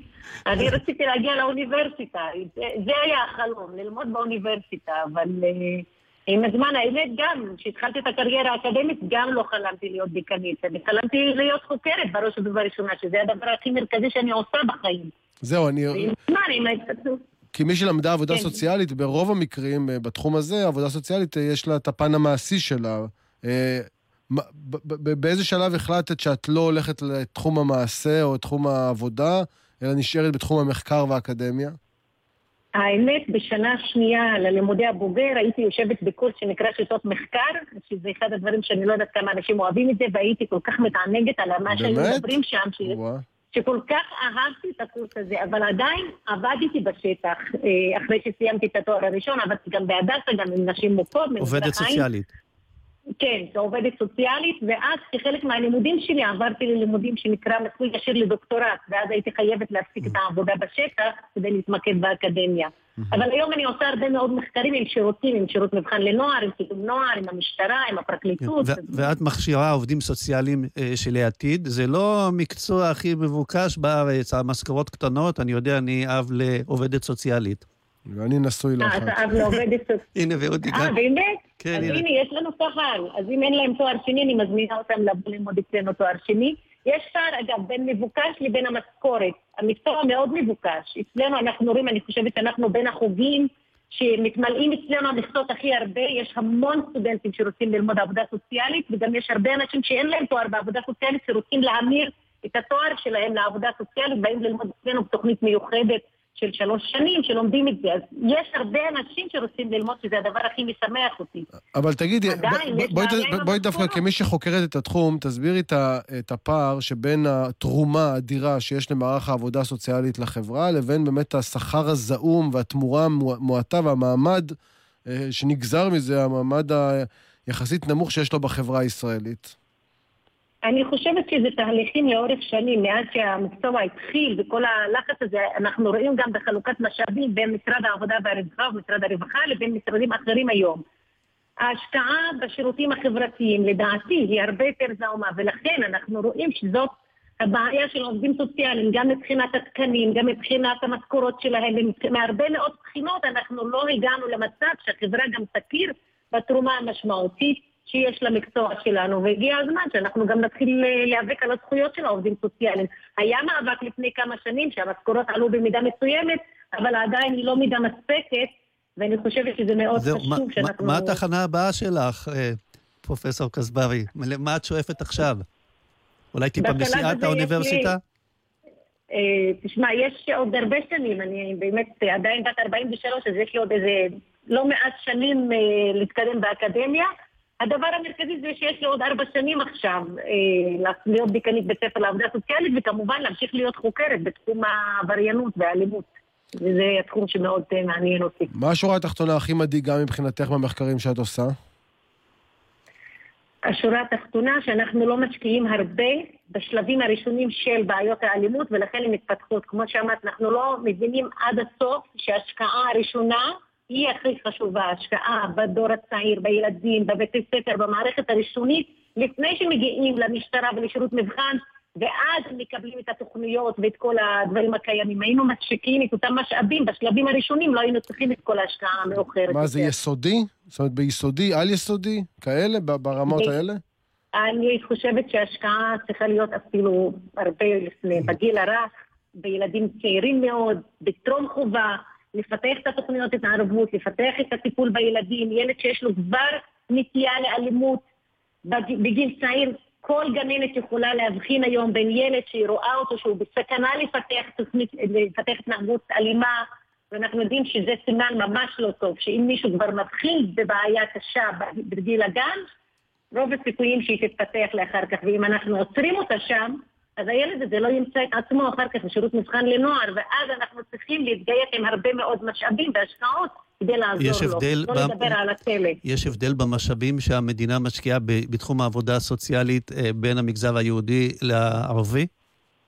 אני חושבת שההשקעה של המדינה בכל השירותים היא נבדלת, יש לא מעט דוחות שנכתבו, נכתבים כל שנה, לצערי, על הפערים האלה. לא, בתחום העבודה הסוציאלית, שקרוב לליבך. כן, בשירותים החברתיים אנחנו יודעים גם, בקשר לתקנים וכל הנושא הזה. יש, יש הבדלים בין התחומים בהשקעה בשירותים החברתיים, יש הבדלים בין השקעה במגזר היהודי, במגזר הערבי. כמובן, יש הבדלים גם בין הפריפריה למרכז, שזה גם משהו. כן. מעניין, יש הרבה, הרבה כובעים והרבה תיקים שבטח מונחים על כתפייך כדיקנית הערבייה הראשונה, ואני מקווה שלא תהיה האחרונה, ואולי שזה גם לא יהיה התפקיד האחרון שלך באקדמיה.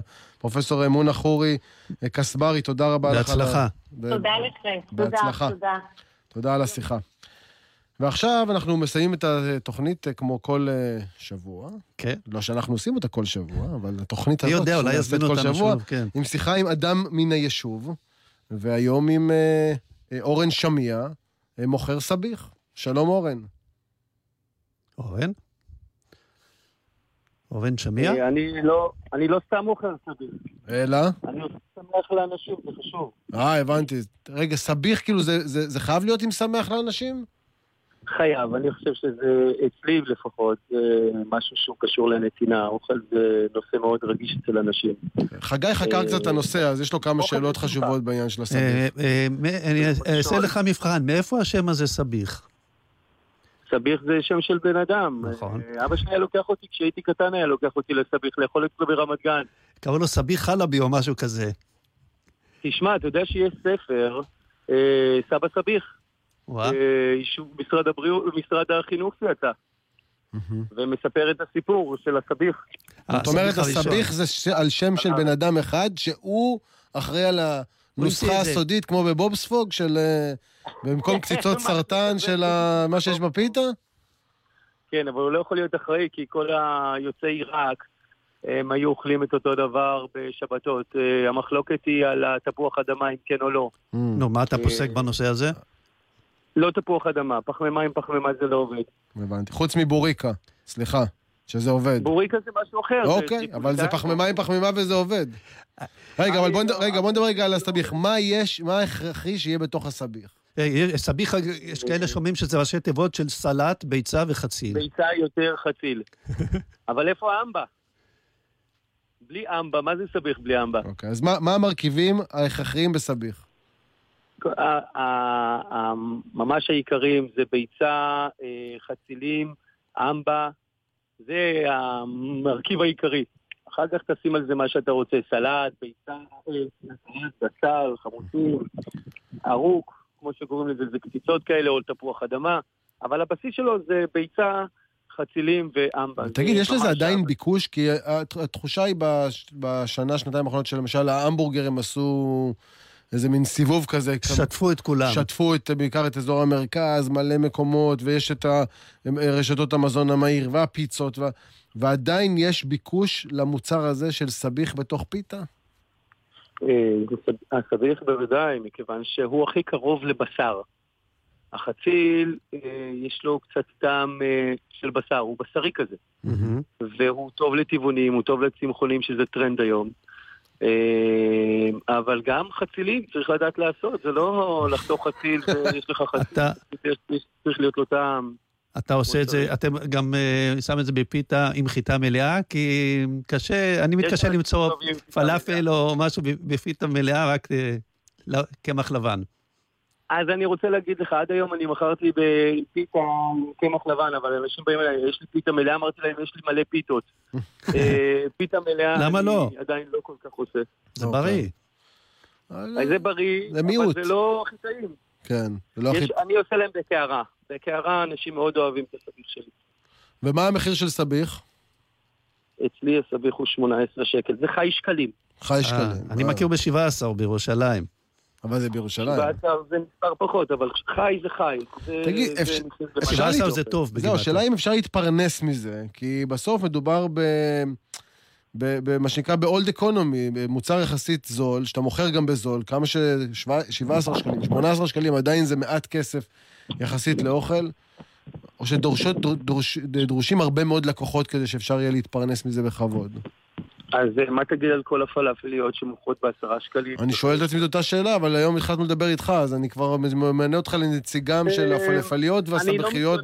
יושב ראש איגוד הסביחים בישראל. איגוד הסביחים. לא, אני לא מתלונן. אז אה, אתה עובד על ווליום של הרבה יותר לקוחות, אין מה לעשות. אני לא מוכר מקררים או מכוניות. שבמחיר של מקרר הוא מרוויח את היומית שלי. Okay, אוקיי, תמיד היית, תמיד חלמת להיות מוכר סביח, או שהיה לך כיוון מקצועי אחר והחלטת לשנות כיוון? אני מנתח מערכות מידע במקצועי, אני גם למדתי מנהל עסקים.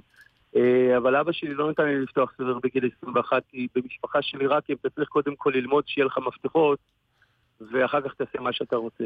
אה, הוא לא האמין בעתיד של אה, להיות מנתח מערכות? אז הלכת למנהל מערכות מידע ומזה הגעת לסביח? לא, הוא האמין בניתוח מערכות, הוא לא האמין בסביח. אני האמנתי בסביח. ואתה פתחת את זה מעצמך? זאת אומרת, זה לא איזה עסק משפחתי שאתה המשכת אותו. לא, לא, לא. אני פתחתי אותו... כי מה? מה, מה משך אותך? מה משך אותי? אני אוהב לעשות אוכל לאנשים. אני עשיתי את זה בזמנו, בגיל 21 שהשתחררתי. וחברים בשבתות אה, סביח, וזה התחיל מחמישה אנשים, הגיע לשלושים, אמרתי סטופ, אני לא מוכן יותר לעשות לכם, אין לי כוח, אני עייף בשבת לעשות את הדברים האלה. טוב, אתה נתת לנו פה רעיון לאודי ולי, אולי ככה גם כן. נעשה הסבה מקצועית. אחרי האופנה והיין נעשה גם אה, סביח? פלאפל, משהו, סביח. משתלט על השוק, זה... יפה מאוד, עשית תיאבון. אה, תנו כן. מילה לסביח, והכי יפה זה שהשם של בן אדם. כן. כן הסביח כן. של אורן. איפה אתה הסביח של אורן? תגיד איפה? אנחנו, אנחנו, יש לנו קרוון היעד, אה, אנחנו מאכילים חיילים, אנחנו, יש לנו מה שנקרא פתקים על, הקירו, על הקיר. מי שרוצה להאכיל חייל, הוא קונה מנה לחייל, והחייל בא ויכול לאכול, בלי לשלם. יפה. לאכול ולשתות. יפה, וזה הולך מצוין. גם סביח וגם צדקה. וגם סיוע לחיילים. אורן שמיע מהסביך של אורן, תודה רבה לך על השיחה הזאת. אדם מן היישוב וגם אדם טוב מן היישוב. כן. כולל חצילים ופיתה וטחינה ואמבה. לגמרי. ולחמצץ לך ולחפרף לך וכל כן. העניינים. מסיימים עם טעם טוב פה. אה, חגי סגל, תודה רבה. תודה לך, אודי סגל. ותודה לאילן ליאור שערך את התוכנית. הפיקו שיר אזדרף, עכשיו אמרתי את זה נכון? שיר אזרף וגל ויצנר. על הביצוע הטכני מאי דוידוביץ', עורכת הדיגיטלי ליאור ארליך. מיד אחרינו, מצד שני, עם חן ארצי סרור וניצן הורוביץ. אתם מוזמנים כמובן להאזין לחלקים מהתוכנית או לכולה באתר האינטרנט של גל"צ, בכתובת www.glz.co.il. אה, שבוע הבא, דקל סגל. ייכנסו לנעלינו הגדולות. בדיוק. סגל סגל, שלך, המשך סוף שבוע מוצלח. שבת שלום. בחסות לאומי קארד, המציע הלוואה מהירה. לפרטים חייגו כוכבי 91-92. אי עמידה בפירעון ההלוואה עלול לגרום חיוב בריבית פיגורים והליכי הוצאה לפועל, כפוף לתנאי החברה. אתם מאזינים לגלי צה"ל.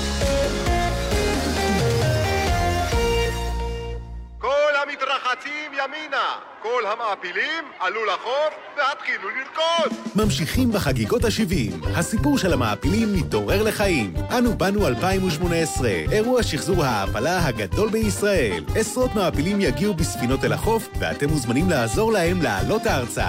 שחקנים, הפעלות ואירוע השיא, מאות רקדנים בריקוד המוני. חוף גורדון תל אביב, 27 באוגוסט, מ-4 אחר הצהריים. הכניסה חופשית. משרד ירושלים והמורשת. המשפחתיפ, עצות משפחתיות לנסיעה בטוחה.